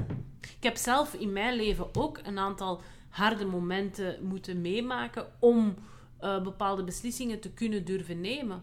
Ehm, en, en, en ik zou niet zitten waar ik hier nu zat als bijvoorbeeld niet. Hè, eind 2017 is mijn vader heel plots overleden. Mijn vader had een gigantische invloed op mijn, eh, mijn professionele carrière. Wel, was dat niet gebeurd, zat ik waarschijnlijk nog altijd wel in de red race waar ik toen in zat. En hoe hard het ook is en hoe graag ik ook gehad dat dat dan niet gebeurd was, ergens heb ik daar wel het beste van gemaakt en uit die crisis geleerd. Dus ik denk dat dat een beetje des mensen is, dat we dat nodig hebben, die, die, die bijna die, die, die, ja, die wurggreep of zo. En, en dan pas veranderen we. Spijtig eigenlijk wel, hè, maar ik denk dat zo is. Ja, maar ja, je zit in een comfortzone, dat is heel moeilijk. Hè? Dus, eh, Ja. We vragen toch voor verandering en ook al proberen wij zo goed mogelijk die verandering naar duurzame transitie te doen zonder dat je eigenlijk je comfort verliest. Een of andere manier moet je, moet je, moet je wel eh, je gewoontes veranderen. Hè? Ik bedoel, Ja. ja, vliegtuigen, die je, ik, recent zag ik dat, dat is, ongelooflijk. Ik denk dat je voor, voor 12 euro heen en weer ergens in Europa kon gaan. En Ja. ik dacht, allee... Als je Gisteren Ryanair voor minder dan 5 euro naar, naar dat- Verenigd Koninkrijk. Ja, ik herinner me dat ik een vergelijking had gemaakt met een droom. Ik ben van Brussel, weet je. En ik zeg, maar nee, voor een droom ken ik zelf niet. eh. dat, dat was echt zo van, hoe kan Ja. dat nu? Hoe Ja. kan deze? Ja. En Ja. dat gaat niet, dat, dat is niet duurzaam. Dat is geen duurzaam model. Nee. Dus dat wel, ja, ja. Ze hebben dan wel nog niet meegerekend dat je tegenwoordig een reispas nodig hebt. Hè? Dus dat kost iets meer. Hè? Je reispas kost dan veel meer dan Ja, je dat is- vliegticket. dat is- Dat is toch geschift? Dat is toch echt... Ja. Ja, dat, dat, dat voelt niet goed, dat voelt niet juist voor ons. Hè. Maar ja, ehm, we zijn daar nog wat pioniers in, denk ik. Hè? Dat is eh, wat we daar straks ook al zeggen. Dat is ook niet altijd gemakkelijk, hè, die rol van pionier. Ja, er zijn toch nog altijd veel mensen die daar wel gebruik van maken. Hè? Ehm, ik eh, voel me altijd schuldig. Allee, altijd. Ik ga niet zo heel veel met vliegtuig op reis, maar dat gebeurt wel al eens. En dan voel ik me toch altijd schuldig. En dan, ga ik wel, dan doe ik wel het nodig. Allee, het nodig, ik weet niet of dat dan oké is, maar ik compenseer dan wel. Hè? Maar gewoon financieel dan. Hè? Ik ga geen uh, bomen in mijn achtertuin zetten, maar uh, allee, ik zou dat wel graag willen, hè, maar dan ga ik niet toekomen met mijn achtertuin, denk ik, om mijn één vliegtuigticket mee te compenseren. Dus ik probeer dat wel te doen. Maar ja, het is, um, het is allemaal heel moeilijk. Het is wat je zegt, hè. je zit in een comfortzone en je wilt soms wel is uit je comfortzone getrokken ja, worden, maar ook niet te veel. exact. Dat is herkenbaar, hè? Ah, ja, ja, maar ik, ik, heb dat ook. Hè. Dus het is niet omdat wij nu, uh, trouwens, even over duurzaamheid, dat, dat, wij, dat we heilige mensen zijn. Oh, die nee. niet, maar, ja, we weten het ook. Uh, Tuurlijk. ik denk dat we het wel heel goed beseffen, maar dat is... Ja. Uh, nou, ik ben ook... Allee, ik ben de eerste om te zeggen dat ik totaal niet perfect Nee. ben. Totaal, ik doe veel dingen fout. Ik ben ook nog niet volledig vegetariër. Ja, Al minder vlees dan vroeger, maar ja, toch Ja. nog. En, Ja. en, en, maar goed, I'm trying. En, en Ah, wel, ja, het is de balans dat je moet bekijken. Hè. Het is beter dat dan gewoon niks doen. ja, dat denk ik dan Al vanaf het moment dat je al iets doet, Ja. en dat je elk jaar misschien je in vraag stelt van wat, welke gewoonte kan ik deze nu Ja. veranderen, ook al is het klein. Zoals gezegd, het gaat in de wereld niet eens veranderen, maar als iedereen daarmee bezig zijn, dan kunnen we, kunnen we dat wel doen. Ja. Ja. Een heel mooi voorbeeld trouwens van, van wat, je, wat je nu hier bespreekt is ehm, de film Don't Look Up. Ja, dat is super, hè. Jij hebt hem gezien? Ja, ja. Dus eh, voor de mensen die het niet kennen, is het een film over, over een, een, een existentiële bedreiging, een komeet die op de planeet afkomt. En het is eigenlijk, ja, je ziet eigenlijk net hetzelfde als wat we nu zijn. Hè, van, we, we zien het niet, we zien het niet, we zien het niet. Ah, daar is hij. En ja, dan is het te laat. Dus het is, het is inderdaad wel zo Heb dat... je die gezien? Dus, eh, je, moet, je moet maar eens kijken. Het is echt heel grappig. En, en de, de dingen die we, die we omschrijven als in... Kijk, we zien het probleem, we kunnen het probleem bewijzen. En, en sommigen draaien gewoon het kop. En, ja, dat is- Ik Ja. vind is- die zo goed. ja, en zo echt, eh, actueel ook. Hè. Het, is, het, is eigenlijk, het is heel komisch gemaakt, maar eigenlijk, eigenlijk moet je erbij janken, omdat het gewoon... Het is, het is Ja. zo realistisch. Het is daarom Ja. dat ik er dus nog niet naar gekeken heb, eerlijk gezegd. Ik ben nogal gevoelig aan dat soort van... Ik kan daar dus een paar dagen niet goed van zijn, van ja, zo, hè, dingen gelijk klimaatdepressie en zo. Ik kan daar soms echt last van hebben. En als ik dat dan zie, dan vind ik dat ik weet niet hoe confronteren. Dan denk ik, allee, hoe kan dat nu? Zo Ja, maar het supergoeie vind ik, daarom vind ik dat die, die film echt goed op, de, op het juiste moment, op de juiste manier wordt gepresenteerd. Het is puur een, met, het is een metafoor. Mhm. Dus het is niet bijvoorbeeld, wat is, wat is dat, die reportage over die, de vissen, reportage co, co, co- Conspiracy Ja, en die ja, dingen.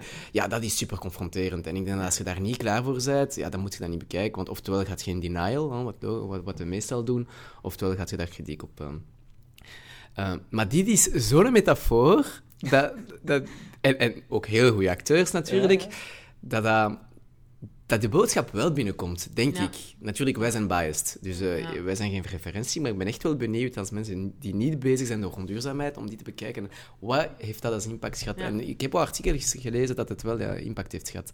Omdat het zo'n metafoor is en omdat, ja...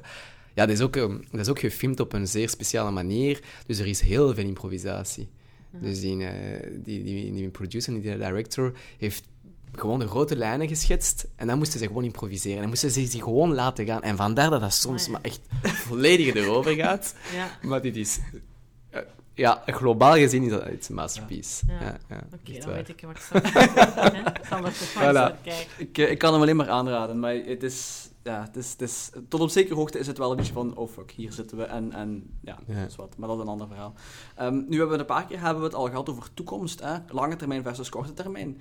Ehm, en je zegt, een periode van vijf jaar is niet lange termijn. Hè? En ik ben akkoord, maar het is moeilijk om op, op, op een periode van 25 jaar vooruit te denken en dan actie nu te ondernemen. Dus, dus wat is voor jullie de, de quote-unquote, juiste termijn om jullie plannen te maken, om jullie visie in te stellen, noem maar op. Wat is de termijn op waarop we moeten werken om, om, om zo hoog mogelijke impact te hebben op, eh, op onze samenleving?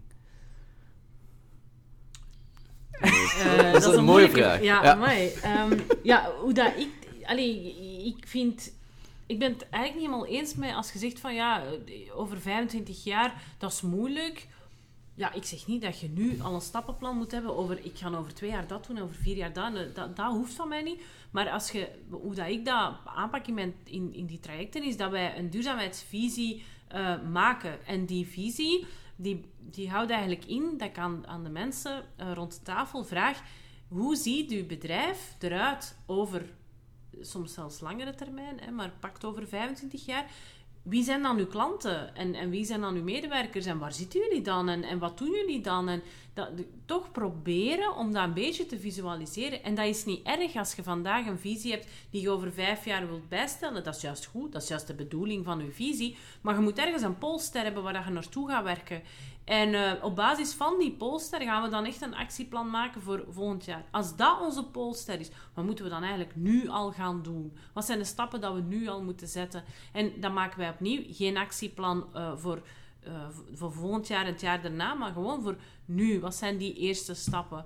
Dus ik geloof wel dat mensen dat ook nodig hebben, zo die polster van waar gaan we hier nu eigenlijk naartoe? Zodat echt dat verre toekomstverhaal. Hè. Ook al is dat dan misschien iets raar met robotjes of wat dan ook. I don't care, dat mag van mij allemaal.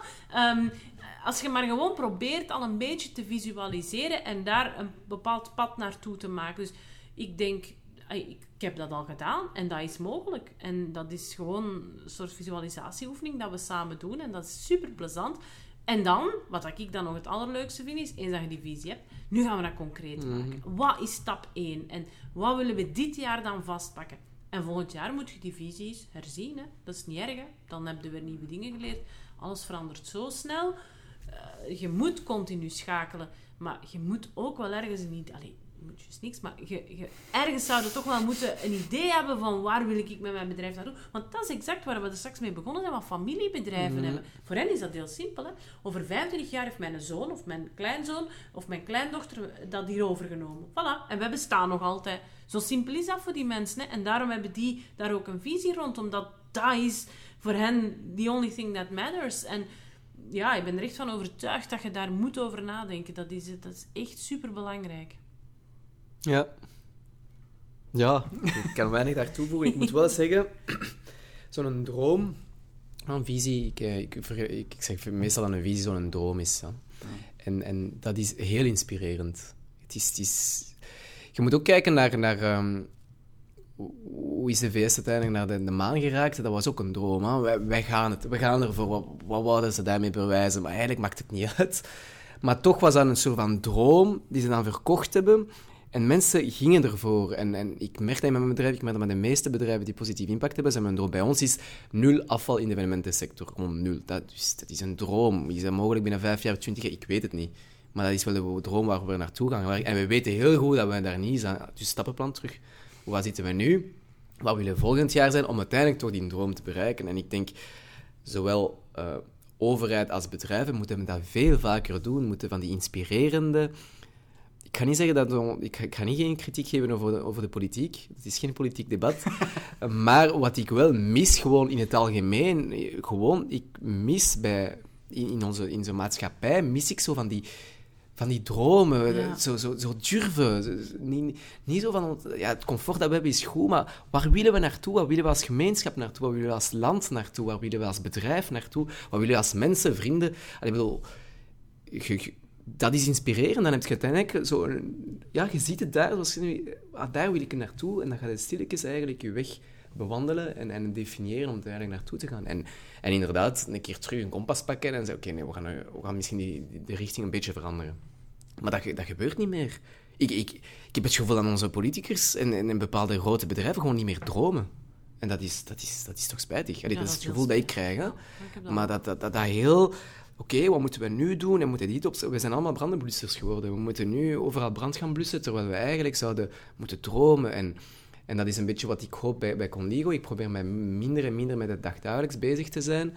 Om wat meer strategisch vooral tijd te nemen om eigenlijk... eh, ja, om, om te kunnen dromen. Om te dromen, ja, voilà. En om te dromen heb je ook wel input nodig. Hè. Moet Mhm. je laten inspireren door mensen en, en lezen en, en van Mhm. overal wat informatie halen. Exact. Ehm, en ik denk dat dat iets is dat heel weinig mensen vandaag nog echt doen. Allee, ik zeg niet, ik zeg niet dat iedereen moet beginnen boeken lezen, maar allee, het is zo... Ja, ik weet niet, ik vind dat zo spijtig. podcast dat- luisteren. Of naar Ja. podcast luisteren, voilà. Ja, voilà, dat Kijk, hij heeft het begrepen. Voilà, ja. dat moet al moeten hebben.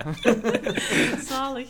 Ehm, maar gewoon laten we eens inspireren en, en voel eens wat dat met je doet. Hè. We komen weer terug aan dat buikgevoel. Maar ik kan, ik kan me dus echt nog herinneren, het moment dat ik ehm, op zoek was naar wat, wat, wat wordt mijn nieuw doel. hè. Ik had mijn existentiële crisis, ik wist niet goed waar ik naartoe wou.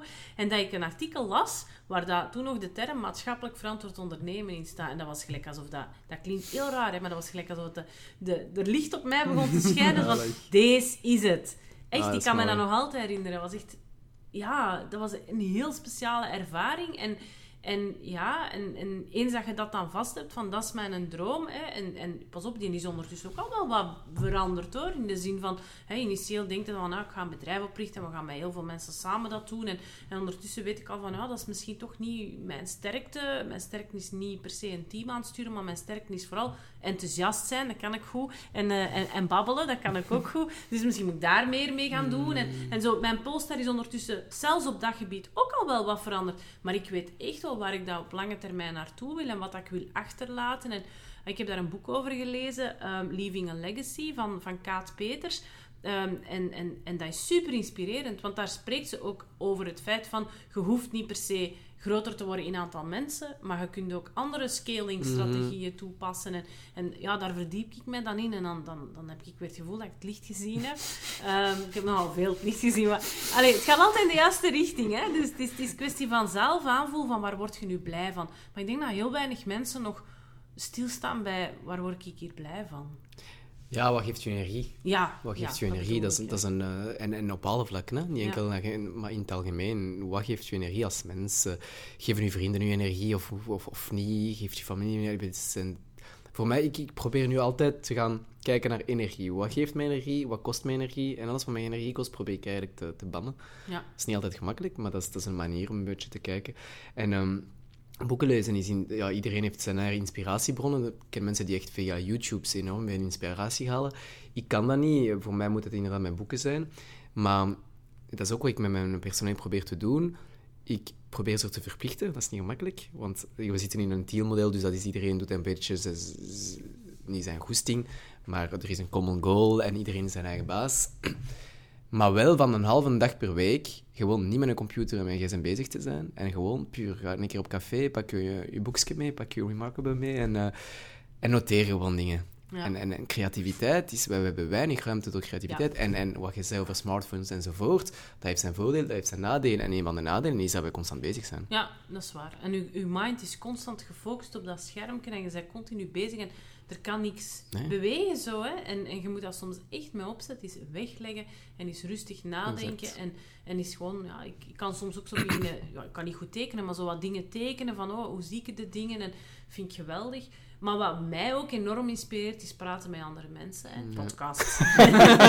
Nog eens wat reclame maken. Maar nee, in het algemeen gewoon babbelen met andere mensen. Wat is die hun visie? En, en ja, mensen die met duurzaamheid bezig zijn. Iedereen heeft er ook wel weer zijn eigen mening wat over. En dat vind ik ook heel tof. En dan kan ik daar zo nog over nadenken en nadenken. En dan maak ik daar weer mijn eigen ding van. En, en lezen doe ik ook wel heel veel.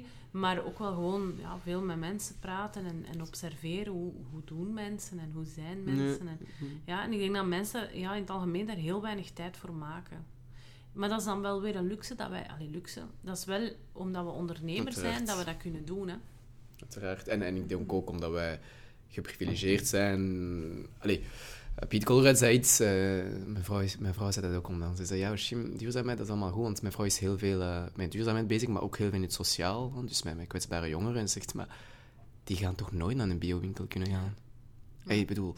En, en Piet Colruyt zei ook, van, hij investeert nu vooral in... ehm, maatschappelijke relevante projecten, die gaan over... oh, ja, je moet die sociale kloof die er is, en er Ja. is er nog een felle in België ook, die moet je eigenlijk gaan verkleinen. Want zonder die sociale kloof te gaan verkleinen, kun je eigenlijk niet een duurzame oplossing op de Nee. markt brengen. En, en mensen gaan niet duurzamer gaan leven als je die sociale kloof niet, niet verkleint. Dus dat is echt die combinatie van, van die twee.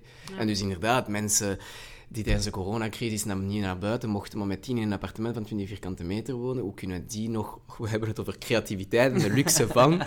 Eh, Allee, bon, waarschijnlijk omdat onze luisteraar ook wel eh, ehm, deze luxe kunnen hebben, maar ik denk dat, dat we niet moeten vergeten dat er een heel groot Ja, deel van de juist. bevolking eigenlijk eh, dat Ja, niet heeft. Die luxe En niet dus- hebben, hè? totaal niet. Mhm. En, en inderdaad, hoe maakt je ruimte bij die mensen? Hè? Want daar zitten zeker ook mensen bij die wel potentieel Ja. hebben, natuurlijk wel. Eh, maar, maar hoe maak je die ruimte voor die mensen? En ik ben wel blij om te horen dat ze vanuit eh, bij Piet Colruyt daar ook wel in gaan investeren. Ik denk ook wel echt dat dat... Dat is iets dat heel vaak vergeten wordt. Hè. Duurzaamheid gaat niet alleen over dat groenen en, en zonnepanelen en nee, energie. nee, het gaat ook over dat sociale, die sociale kloof die er is. Zelfs in België. Hè. Daar staan mensen zo weinig bij stil. Ehm, en, en door de coronacrisis is die nog veel groter geworden. Hè. Dat is Ja. echt, eh, de, de, de mensen die het al moeilijk hadden, die hebben het nog moeilijker gekregen. En, eh, en wij zijn echt geprivilegeerd. hè. Ja. Allee, we hebben echt niet te klagen. Hè. Nee, nee, dat is waar. hè. Dus dat, dat, is, dat is natuurlijk nog een, een grote werf, maar dat moet, ook- dat moet ook wel aangepakt worden. Ja, ja. Dus ik vind het wel interessant dat je, dat je Piet Colruyt aanhaalt, omdat een, een, een kennis van mij, die ook freelancer is, die heeft ook voor Colruyt gewerkt en die mag Ja, ja. bijvoorbeeld niet remote werken. En van die, dus die, die tikklok en zo, dat bestond bij Colruyt dus ook nog altijd. Dus een beetje, Ja, ja, ja, een beetje raar. Maar goed, allee, goed ik weet niet of, of, of, eh, of dat misschien een deelafdeling was of zo, dat eh, durf ik nu niet zeggen. Maar is, eh, Maar Piet Colruyt is nu ook wel afgestapt van Colruyt zelf. Allee, hij is daar nog bestuurder, Ja, maar maar hij is ik- vooral met zijn impactfondsen bezig. Maar inderdaad, er zijn nog wel nog... Het is niet omdat Colruyt op zich een duurzame... Van wat ik weet, hè, ik heb dat niet allemaal bestudeerd, maar een duurzaam bedrijf is dat er niet. hè. dus Dat ze dus- perfect zijn ook Er zijn altijd dingen die, die beter kunnen. Ja, ik denk, ja, ja, denk ja. dat, dat, eh, dat dat dingen mag zijn. Ehm, even terugkomen op wat we juist zeiden, want ik vind het heel interessant dat je, dat je die kwetsbare groepen aanhaalt. Mhm. Ehm, een van de dingen die, die in de afgelopen 50 jaar eigenlijk al, want zo lang gaan we al terug, heel vaak naar boven komt, is eh, een, een, een vast inkomen voor iedereen. Eh, en, en op die manier, hè, de, de theorie is dan dat je, dat je mensen een bepaalde leefstandaard geeft. Eh, het werk dat ze doen, eh, als ze gaan werken, krijgen ze er bovenop. Eh, en op die manier kun je eigenlijk de levensstandaard omhoog tillen. En dan, ik denk financieel is een heel grote eh, motivator. Hè? Want, want het is gelijk gezegd, wij hebben het breed genoeg. Dus wij geven als 10 euro meer voor iets- een duurzaam product. Wij gaan als naar de Mhm. biowinkel en wat dan ook. Ik weet niet of jullie daar al eens over nagedacht hebben en wat jullie mening is, of dat, of dat positief is of niet. Want er zijn heel veel experimenten naar gebeurd en die zijn eigenlijk altijd positief, maar toch neemt de politiek geen actie. Dus ik vind dat, ik vind dat heel raar om, om dat te zien. Ik heb daar mijn mening over, maar het is een moeilijk debat. In die zin, er is, en het is niet enkel daarmee, maar er zijn heel veel studies die vrij veel dingen aantonen die misschien niet zo eh, logisch klinken bij de gewone mens en zeker dus niet bij de politiek. En ehm, uiteindelijk ziet je wel dat politiek gewoon de, de, de doorgaanse mentaliteit volgt en eigenlijk niet per se zich baseert op, op wetenschappelijke feiten. En ik denk dat de coronacrisis dat eigenlijk nog een keer heeft bevestigd. Dus ehm, dat, is, dat is een heel moeilijk debat, omdat je eigenlijk nu gewoon gaat zeggen van, ja, mensen denken op een bepaalde manier en dat is, dat is, dat is puur je reptiele brein die eigenlijk in verdedigingsmodus schiet op iets dat eigenlijk gewoon anders is dan wat je gewoon bent. Ja. En dat zorgt ervoor dat we eigenlijk beslissingen nemen die eigenlijk rationeel gezien niet correct zijn. En, en ik kan me daar ook wel aan frustreren als je wat, wat, wat artikels begint te lezen en waar je eigenlijk echt wetenschappelijk werk begint te lezen over bepaalde thematieken, daarover wat je net zegt, over de impact van vreemdelingen, ehm, is, is, is ook al bewezen wat een positieve impact het kan zijn, maar toch wordt er een, een soort van verdedigingsmechanisme op... eh, en, en dat is, ja, dat is eigen aan de mens, denk ik. En dus, bij gevolg, ook waarschijnlijk aan de politieke, politieke beslissingen. Dus ik ben in de politiek. ehm, ik heb daar wel getwijfeld, maar ik heb besloten om het niet te doen. Ehm, dus ik ga daar ook niet... Het is, het is niet makkelijk. Eh, ik denk dat, dat ze het echt niet gemakkelijk hebben om enerzijds het rationeel te bekijken en anderzijds het emotioneel, wetende dat uiteindelijk alles is emotioneel. Voor eh, elke keuze die je neemt heeft een, is, puur op een emotie gebaseerd. En, ehm, en het is goed dat we niet enkel rationele mensen zijn, want het zou nog geen mooie wereld zijn. Maar dus dat is, dat, is die, die dualiteit die ik niet... ik ga, dus mijn, mijn antwoord is een heel politiek correct antwoord, wat ik net heb gezegd. Maar dat is omdat het ook wel een heel moeilijke, zo. moeilijk thema is. is ook zo. En ik heb over tijd met, eh, met mijn lokale burgemeester gesproken en die had dan ook aspiraties om richting parlement te gaan en wat dan ook. En uiteindelijk is hij er ook van afgestapt, omdat hij zei van, kijk, één, het is allemaal partijpolitiek, dus je kan eigenlijk je stem doordrukken, gaat zeer moeilijk zijn. En twee, eh, mensen stemmen niet op basis van wat je zegt, maar stemmen op basis van of ze een toffe vinden. Dat is, dat is heel moeilijk om dan impact te hebben. En zeker als je dan iets wilt veranderen waar mensen dan, waar je zegt, eh, die, die angst een beetje voor hebben. Want ik, persoonlijk denk ik dat het een heel goed idee zou zijn. Om, om, mensen gewoon enerzijds uit de armoede te tillen en twee, eh, hen, hen de ruimte te geven om die creativiteit te hebben, om, om, om die vrijheid te hebben, om beslissingen te maken die ze anders nooit konden doen. Een beetje cultuur opsnuiven, wat zoveel mensen gewoon Wat nooit kunnen. allemaal positief impact gaat hebben nog in Bel voor België en voor de wereld. Natuurlijk, is- natuurlijk. maar toch, ik, gelijk je zegt, er is zo'n weerstand toe dat als je dat zoiets als politieker zou durven voorstellen, je wordt gewoon met de grond gelijk Ja. gemaakt. Dus allee, het, is, het, is, het is heel vreemd hoe, hoe, ja, hoe dat wij zo gesloten zijn en zo bang zijn eigenlijk. Die, die visie die we durven hebben, voor de weinigen die hem durven hebben, hè, de, de Noordster of de Poolster die we, die we juist zeiden, de weinigen die hem hebben, durven hem ook niet, niet, niet, niet Nee, na te precies. Dat is waar. Ja, je hebt zo heel, dat, dat heel polariserend. Hè. Je komt terug een beetje op wat je zei over die... ehm, ja, ik word dan beoordeeld en mensen geven me... Ja, heel dat polariserend denken is... Oké, het gaat nu totaal niet meer over duurzaamheid. Al- Alhoewel, jawel. Want eigenlijk is dat ook wel duurzaamheid. Eh, dat polariserend denken is een, een, zeer, een fenomeen dat erger en erger wordt. En het probleem met polariserend denken is dat jij... eh, het gaat niet beter, want hoe, hoe, meer, hoe meer polariserend, hoe meer extreem je wordt. Ja. En dus eigenlijk hoe, hoe groter de kloof tussen de, de twee of verschillende groepen die, die, die polariserend bezig zijn.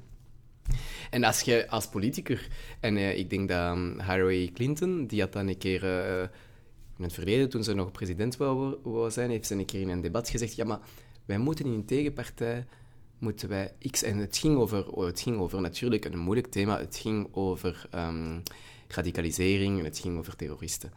Maar ze zei letterlijk van, we moeten een keer empathisch proberen te zijn en begrijpen waarom dit eigenlijk gebeurt. Wat niet wil zeggen dat je gelijk geeft aan die terroristen. Hè? Dat wil niet zeggen dat je die, die, wat, er, wat er gebeurd is wel goedkeurt. Dat wil gewoon zeggen dat je empathisch wilt gaan nadenken over waarom gebeurt dit en hoe kunnen we dat eigenlijk aanpakken, omdat het gaat over emoties. Maar ze werd met de grond gelijk gemaakt. Ja. En als je eigenlijk nadenkt, een bedrijf, een, goed, een goede CEO bijvoorbeeld, zonder empathie gaat die het gewoon niet overleven. Het moet, het bedrijf moet empathisch zijn, overheden moeten empathisch zijn. Maar dus dat is, dat is gewoon puur eh, omdat het niet verkoopt. En, en, daar is het debat van, eh wat verkoopt het, maar is het, is de juiste manier om het, eh, om het wel te doen. Dus dat is, eh, dat is een moeilijke dat je aangehaald hebt. Ja, het is ook zo. Is ook zo maar maar, dat, dat is net wat ik er zo frustrerend aan vind. Dat je, dat je vaak de duurzaamheid moet verpakken in iets anders om het, om het aan de man gebracht te krijgen. Ik, ai, dat is een... Ja, dat is wel waar. Dat is een beetje wat ik daar straks ook zei. Van, eh, dat, je, de, de- dat ik heel veel gevrongen zit tussen het feit van... Ja, het is eigenlijk wel 5 na 12. Maar anderzijds wil je toch wel zo dat aanpakken met die Mhm. kleine stapjes. En, Ja, ja. en ja. op het gemaksken en no pressure. En dat is heel, heel moeilijk. Maar ja, is dat niet de aard van het beestje, van de mens? Ik denk, het, ik denk het inderdaad ook en ik, ik vrees ervoor. Maar goed, allee, dat, dat kunnen we alleen maar proberen te veranderen met onze eigen eh, middelen, de eigen roadmap die we voor onszelf uit, eh, uittekenen en proberen mensen zoveel mogelijk mee te krijgen in het verhaal, denk ik. hè. En, Voilà. en Inspirerend. niet judgen hebben we ook al, al een paar keer gezegd en gewoon proberen te inspireren. Voilà. Ja. Eh, ik denk dat dat inderdaad het, het juiste traject is, het enige traject dat we, dat we kunnen doen. En empathie tonen, hè, wat je daar juist zegt, vind ik ook een hele belangrijke. Van, ja, niet direct van op je achterste poten gaan staan, maar gewoon eens luisteren van wat, wat, wat is je beweging en, en hoe ziet je dat? En daar leer je gewoon superveel uit. Ja, wat zijn die behoeftes erachter? Ja. Uiteindelijk behoeften achter de emoties is, eh, Ja. is een krachtige tool. Is het zo dat, eh om nu even terug te komen op wat we concreet kunnen doen, hè, want we zijn nu even high level Mhm. geweest en dat is oké. Ehm, voor, voor, voor, afhankelijk van de grootte van het bedrijf is het, is het, zijn er andere stappen die je moet nemen. Hè. Stel dat je, dat, je, dat je meer die richting wilt uitgaan, je bent super geïnspireerd door die toffe podcast die je net geluisterd hebt. hè. Wie weet. Ehm, wat zijn zo, naar jullie mening, en ik weet dat je gaat zeggen het hangt ervan af, maar fijn. Eh, wat zijn zo de, de, de eerste stappen die, die, die je best kan nemen als ondernemer, voor- zowel voor een groot bedrijf als voor een klein bedrijf, en misschien in het bijzonder voor, voor een freelancer? Want voor een freelancer, eh, bijvoorbeeld jij produceert iets, je kan heel veel focussen op je productie. Freelancer is doorgaans diensten. Dat is heel anders dan. Ja, stap 1 is volgens mij al eens nadenken, wat doe ik al? Zelfs voor een freelancer, voor een ondernemer van een klein bedrijf, van een groot bedrijf. Iedereen doet al iets, daar ben ik van overtuigd. Ehm, dus wat doe ik al? En dat al in kaart brengen, hè, waar dat, wat dat je al doet, waar je al mee bezig bent. Ehm, en dan ja, nadenken over, ja, maar, ja, kom daar weer hè, met mijn duurzame polster. Maar ja, waar wil ik naartoe? Wat wil ik doen? Ook als freelancer, wat, hoe ziet je dat dan, u, uzelf, in, in, in, in de economie? Eh, wat, wat, vind jij, wat vind je zelf belangrijk? Hè? Als je zelf zegt van, ja, ik ben eigenlijk wel een fan van schone auto's, ja, dan moeten we eerlijk zijn dat we vandaag misschien in het elektrische gamma misschien niet direct eh, iemand zijn goesting kunnen vinden. En dat is oké. We are not judging. Iedereen zijn keuzes. Maar maak voor jezelf eens de dingen waar dat je wel impact op kan hebben. Uh, de dingen waar dat je wel mee aan de slag kan. Dus ik denk dat dat stap 2 is. Uh, en tegelijkertijd ook nadenken op wie heb ik allemaal impact. Want zelfs als freelancer heb je ook impact op jouw klant. Hè, want je zit ergens uh, om iets te doen. Ook als ondernemer. Je hebt klanten. Je hebt, uh, ik heb dat er straks al genoemd. Hè, je hebt de buurtbewoners. Je hebt de buren. Je hebt het gezin van je medewerkers. Je hebt je medewerkers, klanten. Dat zijn zo de typische. Dus ook eens mee nadenken van ja, wie zijn eigenlijk mijn stakeholders? Hè, zo noemen we dat dan. en wie wil ik betrekken? Want misschien wilt je wel eens een keer een mening van iedereen vragen. Hè? Um, vaak toetsen we toch dingen af, bijvoorbeeld binnen ons gezin of de vriendengroep. Uh, dat, dat, is allemaal prima, dus doe dat zeker. En, en, en, luister eens wat dat iedereen vindt over, over dat onderwerp. En van daaruit, hè, je hebt uw, uw visie van over x aantal jaren. Uh, je hebt uh, in kaart gebracht wat je vandaag al doet. Je hebt in kaart gebracht wie er allemaal bij betrokken moet worden. En dan eigenlijk volgt de rest daar redelijk vanzelfsprekend uit verder. Uh, dan, dan, dan kun je gaan beginnen nadenken van... Nou, ik ga eerst zonnepanelen leggen. En met die zonnepanelen ga ik dan zorgen dat heel mijn huis verwarmd wordt. maar ik ga ook zorgen dat ik niet te veel mijn lichten aan laat staan. Hè. Zo van die dingen. Dat zijn kleine dingen, maar ja, dat kan uh, als freelancer al gebeuren. Als ondernemer gaat dat over grotere zaken. Het gaat al over meer lampen en over meer zonnepanelen waarschijnlijk. Maar het gaat ook over een wagenpark. Het gaat ook over medewerkers, het sociale aspect. Um, dus denk daar gewoon verder over na. Dus we hebben het al een paar keer gezegd. Beter er een beetje mee bezig zijn dan niks doen. En... Um, uh, ik denk dat het wel belangrijk is om te weten dat als je daarmee begint en je communiceert erover, dat je best een beetje een olifantenvel kweekt. Want iedereen heeft een mening. Dat hebben we ook al gezegd. Maar, uh, maar ja, ik denk dat je kunt dat heel rustig aanpakken. Wat doe ik al? Waar wil ik naartoe? Dus wat moet ik nu doen? En wie betrek ik? Ja. Dat is redelijk simpel, zeker. De theorie klinkt alvast simpel. ja, en wat je, natuurlijk als je dan als freelancer of als ondernemer echt met een idee wilt afkomen van oké, ik, wil, ik wil inderdaad echt impact hebben met, met wat ik doe, met mijn dienst of met mijn product, dan vind ik het inderdaad een heel goed ding van wat doe ik al, of, en in dit geval dan vertaald, ja, wat is momenteel de impact van mijn product of mijn dienst? Ja. Um, en op welke manier kan ik dit wel gaan verbeteren of, of gewoon mijn USP gaan uitwerken rond duurzaamheid? Want oké, stap per stap, maar we moeten toch toegeven, en we zeiden het zelf, van, je zei het zelf ook daar juist, uh, wij moeten wel veranderen. En dus uh, er is een markt die openstaat voor duurzame alternatieven. En die gaat beter en beter worden. Dat, dat is, we weten dat de energieprijzen stijgen, maar we weten, als, we weten wat we zeker weten, is dat elk bedrijf duurzaam gaat moeten worden. Dus als je toch zoekt naar, ja, ik zoek hier naar een, een duurzame alternatief op waar ik momenteel mee bezig ben. Kleine marktstudie gaat u denk ik vrij, vrij veel helpen, maar ook gewoon een analyse van ja, wat is nu bijvoorbeeld mijn CO2-uitstoot? Ik denk dat er heel veel tools bestaan om dat wel te kunnen doen. En van, oké, okay, een freelancer ook, hè, je hebt ook een uitstoot, hè, je computer heeft ook een uitstoot, al die dingen hebben een uitstoot, dus je kunt daar, daar, daarover nadenken. En dan met, met een soort van nieuw proposition komen dat dat een stuk duurzamer is. En dat is dan die droom waarvan je spreekt dan. Waar wil ik naartoe gaan? Um, en, en vooral dan, gelinkt aan, uh, aan het andere wat we daar juist spraken, is, geeft mij dat energie. Want je moet je nu niet gaan, eh, iets gaan doen dat je geen energie geeft. Maar waar in dit plaatje zou ik eigenlijk zou ik energie van krijgen? Welke rol zie ik dat? Is dat blijf ik dan een freelancer? Of wil ik eigenlijk nu een ondernemer worden en een paar personeel omdat ik dan eerder dit kan doen en dan kunnen mijn, mijn, mijn collega's iets anders gaan doen? Dus ik denk dat je, dat je op die manier wel echt kunt, um, kunt gaan voor een, een nieuw duurzaam alternatief. Uh, we moeten duurzamere producten op de markt hebben, in het algemeen, hè? in het duurzame diensten ja. ook wat jij doet, is, is, is ja, ik vind dat super. Dat is mensen begeleiden in hun duurzaam traject. Dat is, uh, dat is toch super? Ja, ja, ja, ik vind dat zelf ook. Ah, maar, dat is, uh, het is altijd wel een uitdaging om daarmee aan de slag te gaan. Maar ik vind dat zelf ook. Ik, ik, word, daar, ik word er gewoon zelf ook blij van. Mm. Ik heb het ook gezegd, hè, van, ik heb ook de oefening gedaan. Wat wil ik graag doen? Um, en ik vind het vooral ook tof om de combinatie van dat dromen met dat in de actie ja, staan. Exact. Dat vind ik echt leuk. ja. Dan hebben we nog... Uh, ik denk dat iedereen huiswerk heeft nu, dus dat is, uh, dat is, dat is positief. Uh, maar dat betekent ook dat er nog heel veel ruimte voor verbetering is. Dus in dat opzicht, als iedereen een klein beetje doet, dan, um, dan, dan gaat het stelselmatig wel, wel in orde komen, denk ik. Enfin, een eerste stap. Uh, misschien niet te optimistisch worden. Maar ja, we hebben het natuurlijk wel gehad over een crisis die gaat komen. Hè? Dus stap per stap. Ik zou zeggen, moesten er mensen zijn die grotere stappen willen doen, doe het, want het is nodig. Maar het is wel waar dat... We gaan nu niet zeggen, iedereen moet duurzamer zijn, maar als er een paar zijn, bij de luisteraars, of die gewoon echt wel die, die voeding hebben van ik wil echt iets met duurzaam zijn. Er, is zo, er zijn zoveel mogelijkheden. Dan moeten we eigenlijk gewoon een keer bij u langskomen. Je gaat, al, Voilà, kom maar je allemaal gaat, langs, je gaat ze al kunnen helpen. Dus, Ja, eh, dat is... voilà. eh, zou super zijn, hè? Ja. Nu, even door te gaan op die crisis, want dat is wel interessant. Eh, we hebben juist al gezegd, je moet de duurzaamheid op dit moment een beetje verpakken in iets anders, voordat Mhm. je het echt kan verkopen. Ehm, heb je dan ook een beetje de vrees dat, eh, dat als het wat duurder gaat worden, om weet ik veel welke reden dan ook, zij het crisis, zij het energieprijzen die stijgen, want dat is ook relevant, dat die duurzaamheid het eerst eens wat eh, eraf geknipt gaat worden? Dat is een risico, hè?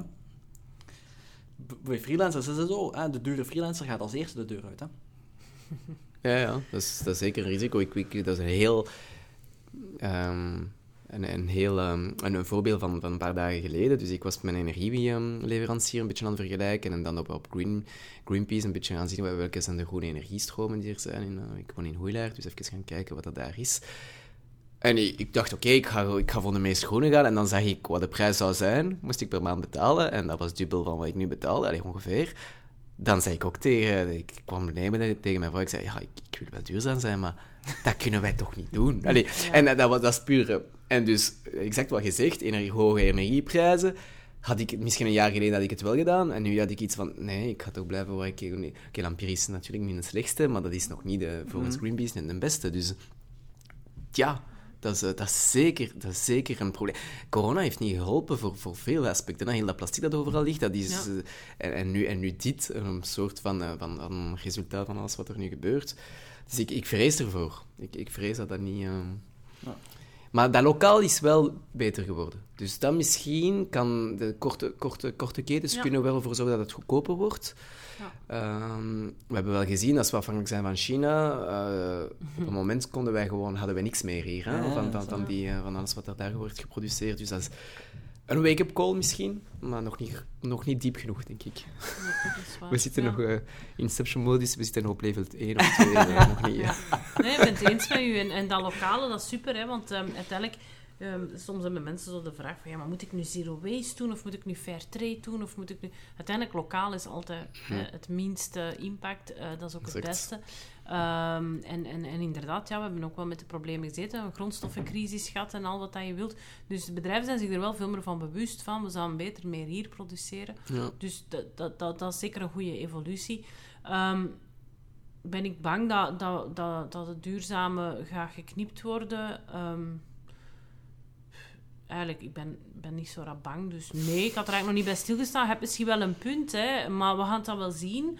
Eh, ik ben er nog altijd van overtuigd dat het moet. En dat als we dat effectief gaan knippen, dat we in de problemen gaan komen. En dat die, die zware crisis wel gaat komen. Ik weet niet of je ooit dat beeld gezien hebt. Toen in het begin van de coronacrisis ehm, was er zo'n beeld van golven.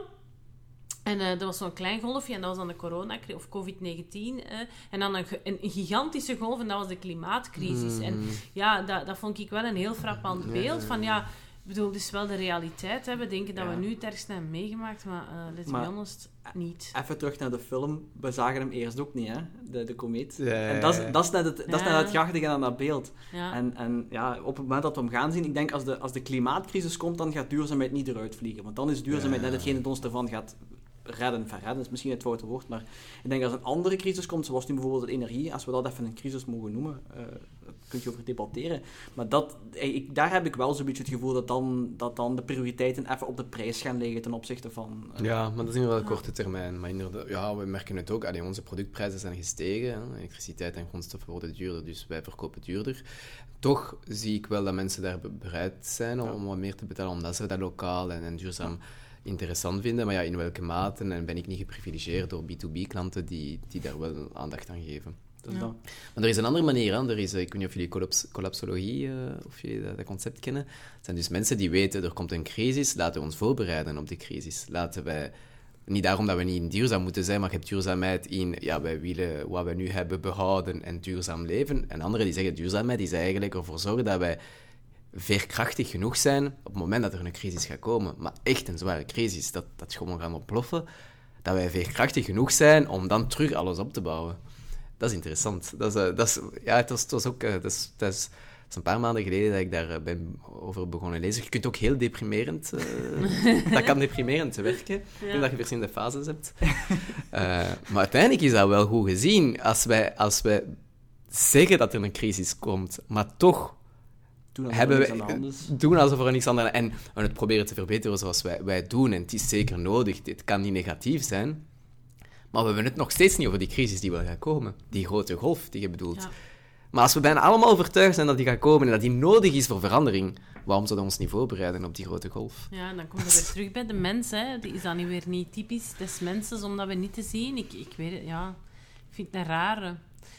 Ik heb altijd zelf het gevoel eh, eh, van, van dat, ik- dat ik wel vaak op voorhand goed zie wat er gaat gebeuren. Eh, maar heel veel mensen niet met mij. En, en, en ik denk dat dat... dat ja, je kunt het toch niet alleen allemaal eh, trekken, hè? Alleen je moet al op die barricade gaan staan. Ja, ik weet het niet. Ik snap wel wat je zegt, ja. Ehm, misschien moeten we ons daar inderdaad op voorbereiden. Maar misschien moeten we toch maar gewoon in de politiek gaan en daar iets gaan doen, hè? Misschien is dat wel de Ik denk oplossing, niet dat dat, ik denk niet dat een verkoopsargument is. Als je, als je daar gaat voor iedereen en zegt, allee, je kunt mij verkopen, eh, verkie- als je kiest voor mij, dan ga ik je voorbereiden op de grootste crisis dat je ooit hebt gaan meemaken. Ja. Dan gaan ze iets hebben van, eh, blijf maar in je, blijf jij maar in mijn bedrijf Ja. bezig, dat is Ja. beter. Dat is waar, dat is waar. Dat is waar. Als je het niet probeert, dan gaat je het niet weten. Nee, nee, dat is waar. Nee, oké. Nu, laatste vraagje, eh, omdat we het toch even over politiek hadden. Vinden jullie dat er meer vanuit de politiek geduwd moet worden, of is het daar te vroeg voor, of werkt dat gewoon niet? Want allee, uiteindelijk, intrinsieke motivatie is, is het beste nog altijd. Als het vanuit jezelf komt, dat werkt het beste. Eh, Ik vind dat een hele moeilijke vraag. Ehm, ja, ik vind, ja, ik vind het echt een moeilijke vraag, omdat ja, ja, ik heb daar mijn mening over. Ik vind, ja, ik vind dat er meer geduwd mag worden. En als je nu al ziet vanuit Europa dat er toch heel veel regels komen, eh, nog altijd niet voor, voor alle bedrijven, maar toch voor meerdere bedrijven, dat vind ik zeker een goede evolutie. En je voelt ook dat iedereen er wat zenuwachtig over wordt. En dat is goed dat is een goede evolutie, hè, want dat maakt van, oei, moet ik dat ook doen? En hè, Ja. stellen zich vragen, dus dat, dat vind ik goed. Eh, maar langs de andere kant, ehm, ja, je hebt het er juist ook al aangehaald, ik ben niet degene die gaat zeggen van, eh, ik, ik ga niet in de politiek, ik heb die ambitie totaal niet, ik zit er ook niet in met een reden. Eh, ik, heb, ik denk dat het al moeilijk genoeg is voor hen om te doen wat dat ze doen, dus ehm, ik vind dat heel moeilijk om te zeggen, ja, ze moeten meer doen Mhm. dat zit zo niet in mij. Het zou fijn zijn dat er meer gebeurt, maar ik snap ook wel dat er ook de laatste jaren zeker ook een andere crisis geweest is. Dus ehm, ja, Ja. moeilijk. Ja. Akkoord. Ja, het is, het, is, het is... Opnieuw is dat een zeer politiek correct antwoord. Ja, Dus, ja, ja, ja. Dus ik zal dan een tegenwind geven. hè. Dan, dan, daar juist heb ik zeer politiek correct geantwoord, dus nu zal ik even... Nee, ehm, ik, ik vind zeker dat ze wat meer moeten... eh, ze, ze, doen, ze doen wel wat, wat... Ze doen dingen. Dat is al positief. Er is al... Elke partij is bezig over... Duur, bijna elke partij is bezig over duurzaamheid. Dus dat is al, dat is al supergoed. Het is niet meer groen dat eigenlijk over duurzaamheid bezig is. Ook al begon het daar. Hè. Je hebt blauw ook, je hebt rood ook. Iedereen is daarover bezig. Dus dat is, dat is een mooie, mooie evolutie. Ik neem Brussel als voorbeeld, ze zijn keihard aan het investeren voor fietspaden enzovoort, overal. Eh, misschien niet in de meest kwetsbare zones, maar dat is dan een ander debat, maar toch, ze doen het. Maar, ja... Is dit... Doen ze het om... eh, focussen ze dus vooral op, op van die algemeenheden die dan stemmen bre- brengen? Of, of kijken ze echt naar wat, het, wat eigenlijk het echte probleem is? Waar loopt het echt mis? Want ja, papier, eh gerecycleerd papier gebruiken is niet de grootste impact dat je kunt hebben. Ik bedoel, allee, iedereen is daarover bezig, maar nou, ik ga niet moeten printen. Oké, mooi dat we die mentaliteit hebben gehad, maar je je gsm heeft zoveel meer impact dat je om de twee jaar verandert. Als we daar... En ze, ze, ze blijven toch, en dat is die, ze blijven toch gaan voor dingen die, die goed verkoopt. En dat is logisch, hè? maar die mentaliteit moet, ver- moet veranderen. En om die mentaliteit, mentaliteit, te, veranderen, moet, die, moet je eigenlijk in het algemeen gewoon het systeem veranderen. Ik denk dat je het, het systeem zoals het nu is, sorry, dat, dat, dat klinkt, dat klinkt niet, niet, niet positief, maar in het politiek systeem werkt gewoon niet. Er is ook geen vertrouwen meer in de politiek. Dus hoe, kan, hoe kun je als politicus gaan zeggen, oké, dit moet je doen, als je uiteindelijk echt geen vertrouwen hebt van, van, je, van, van je personeel, uiteindelijk als je naar een bedrijf vertelt, hè, dat is toch, dan kun je toch niks veranderen. Dus er moet iets veranderen. En ze, voor duurzaamheid, we hadden het over duurzaamheid, is niet enkel de CO2-uitstoot, dat is ook de waardes, dat is ook dit. Heel dat ding moet er echt bekeken worden. Ik denk dat, ehm, hoe heet hij, tegen verkiezingen? Eh, hij heeft ook Congo geschreven. Oh, een heel goede schrijver. Oh, ik kom niet meer op zijn naam. Want tegen verkiezingen van... eh allee, hij is ook oprichter van die eh, G, G1000. Kan Zegt allemaal sorry. nee. Congo, zo'n superbekend boek van... eh! Tegen eh, van... van... Sorry. Ik heb nu even een... ehm, Ik kom daar subiet ook terug. David van Rijbroek? David van Rijbroek. Hij heeft daar een supergoed boek geschreven over tegenverkiezingen. Hij is niet tegen verkiezingen in het algemeen, maar hij heeft het over van waar komen verkiezingen. Dat is eigenlijk is dat geen democratisch stelsel in het begin. Dat was eigenlijk tegen democratie. Dat is heel interessant. En hij heeft het over nieuwe manieren van, van, van om te gaan met democratie. En dat is nodig om die verandering ook van duurzaamheid tegen te gaan. Dus dat is nu even een... eh, bam! Erin, maar dat was... eh, Dat is, dat is een was- mooie. Voilà, kijk. Jullie weten wel dat ik het eigenlijk allemaal goed bedoel. En, Maar het is misschien wel een trigger voor onze volgend gesprek als we daar een eh, tijd voor willen maken. Hè? Want dat, ik, vind, ik vind het wel heel interessant wat je zegt. En ik vind het ergens jammer dat we hier moeten afsluiten, want we zijn toch al, ja, al lang bezig. Maar ik, ik vind het wel interessant en ik denk ook dat er inderdaad nog heel veel over gezegd kan worden, hoewel we dan wel iets meer afwijken van het ondernemen. ja. maar goed, dat is, daar zijn nog voldoende andere podcasts waarover dat je daar je zegje wel eens, eh, wel eens kan doen. denk ik. Alright. Voor dit ga ik jullie heel hartelijk bedanken voor de tijd die jullie hebben vrijgemaakt. Ik vond het super interessant en we hebben heel veel leuke dingen naar boven gehaald. En, en ik heb er al, al, al sinds heel wat eh, dingen uit geleerd en ik hoop de andere mensen ook. Eh, en ik zeg het, ja, laat ons gewoon eh, misschien met een, een paar maanden of binnen een paar jaar eens kijken waar dat we staan en of, we, of de Noordster al niet helemaal naar het zuiden gedraaid is of Ja. veel wat. Who knows? En hopelijk is het tegen dan nog geen crisis of hebben we ons heel goed voorbereid. hè. Dat zijn zo'n Ja. Goed. Heel veel bedankt allebei en eh, ik zou zeggen tot, eh, tot de volgende keer. Bedankt voor de uitnodiging. Bedankt, bedankt. Hallo allemaal en bedankt voor het luisteren naar deze aflevering van de Business Mindset Podcast. Hopelijk was het voor jou net zo interessant als voor ons tijdens het gesprek. En heb je er één of meerdere dingen kunnen uithalen voor jezelf of om anderen te helpen in hun onderneming. Voor meer informatie over mijzelf, de gasten of tools, boeken of concepten die we besproken hebben tijdens de podcast, kan je altijd terecht in de omschrijving van deze aflevering. Heb je genoten van de podcast? Vergeet dan zeker niet om het te delen op social media. Dit helpt ons enorm om te groeien en om een groter publiek te bereiken. En hoe sneller we groeien, des te meer tijd we kunnen vrijmaken voor interessante gesprekken waar we zowel zelf als jullie iets kunnen bijleren. Heb je verder vragen of heb je feedback over wat we besproken hebben tijdens de aflevering? Of tips of verzoeken over onderwerpen die we kunnen behandelen? Of wil je iemand aanraden als gast tijdens de podcast? Laat het dan ook zeker weten. In de omschrijving van deze aflevering vind je een link naar alle social media accounts van de podcast. En daar kan je ons altijd op bereiken. Volg ons zeker ook op social media, dan blijf je altijd op de hoogte van de nieuwste ontwikkelingen en van de volgende afleveringen. Thanks again en tot de volgende keer.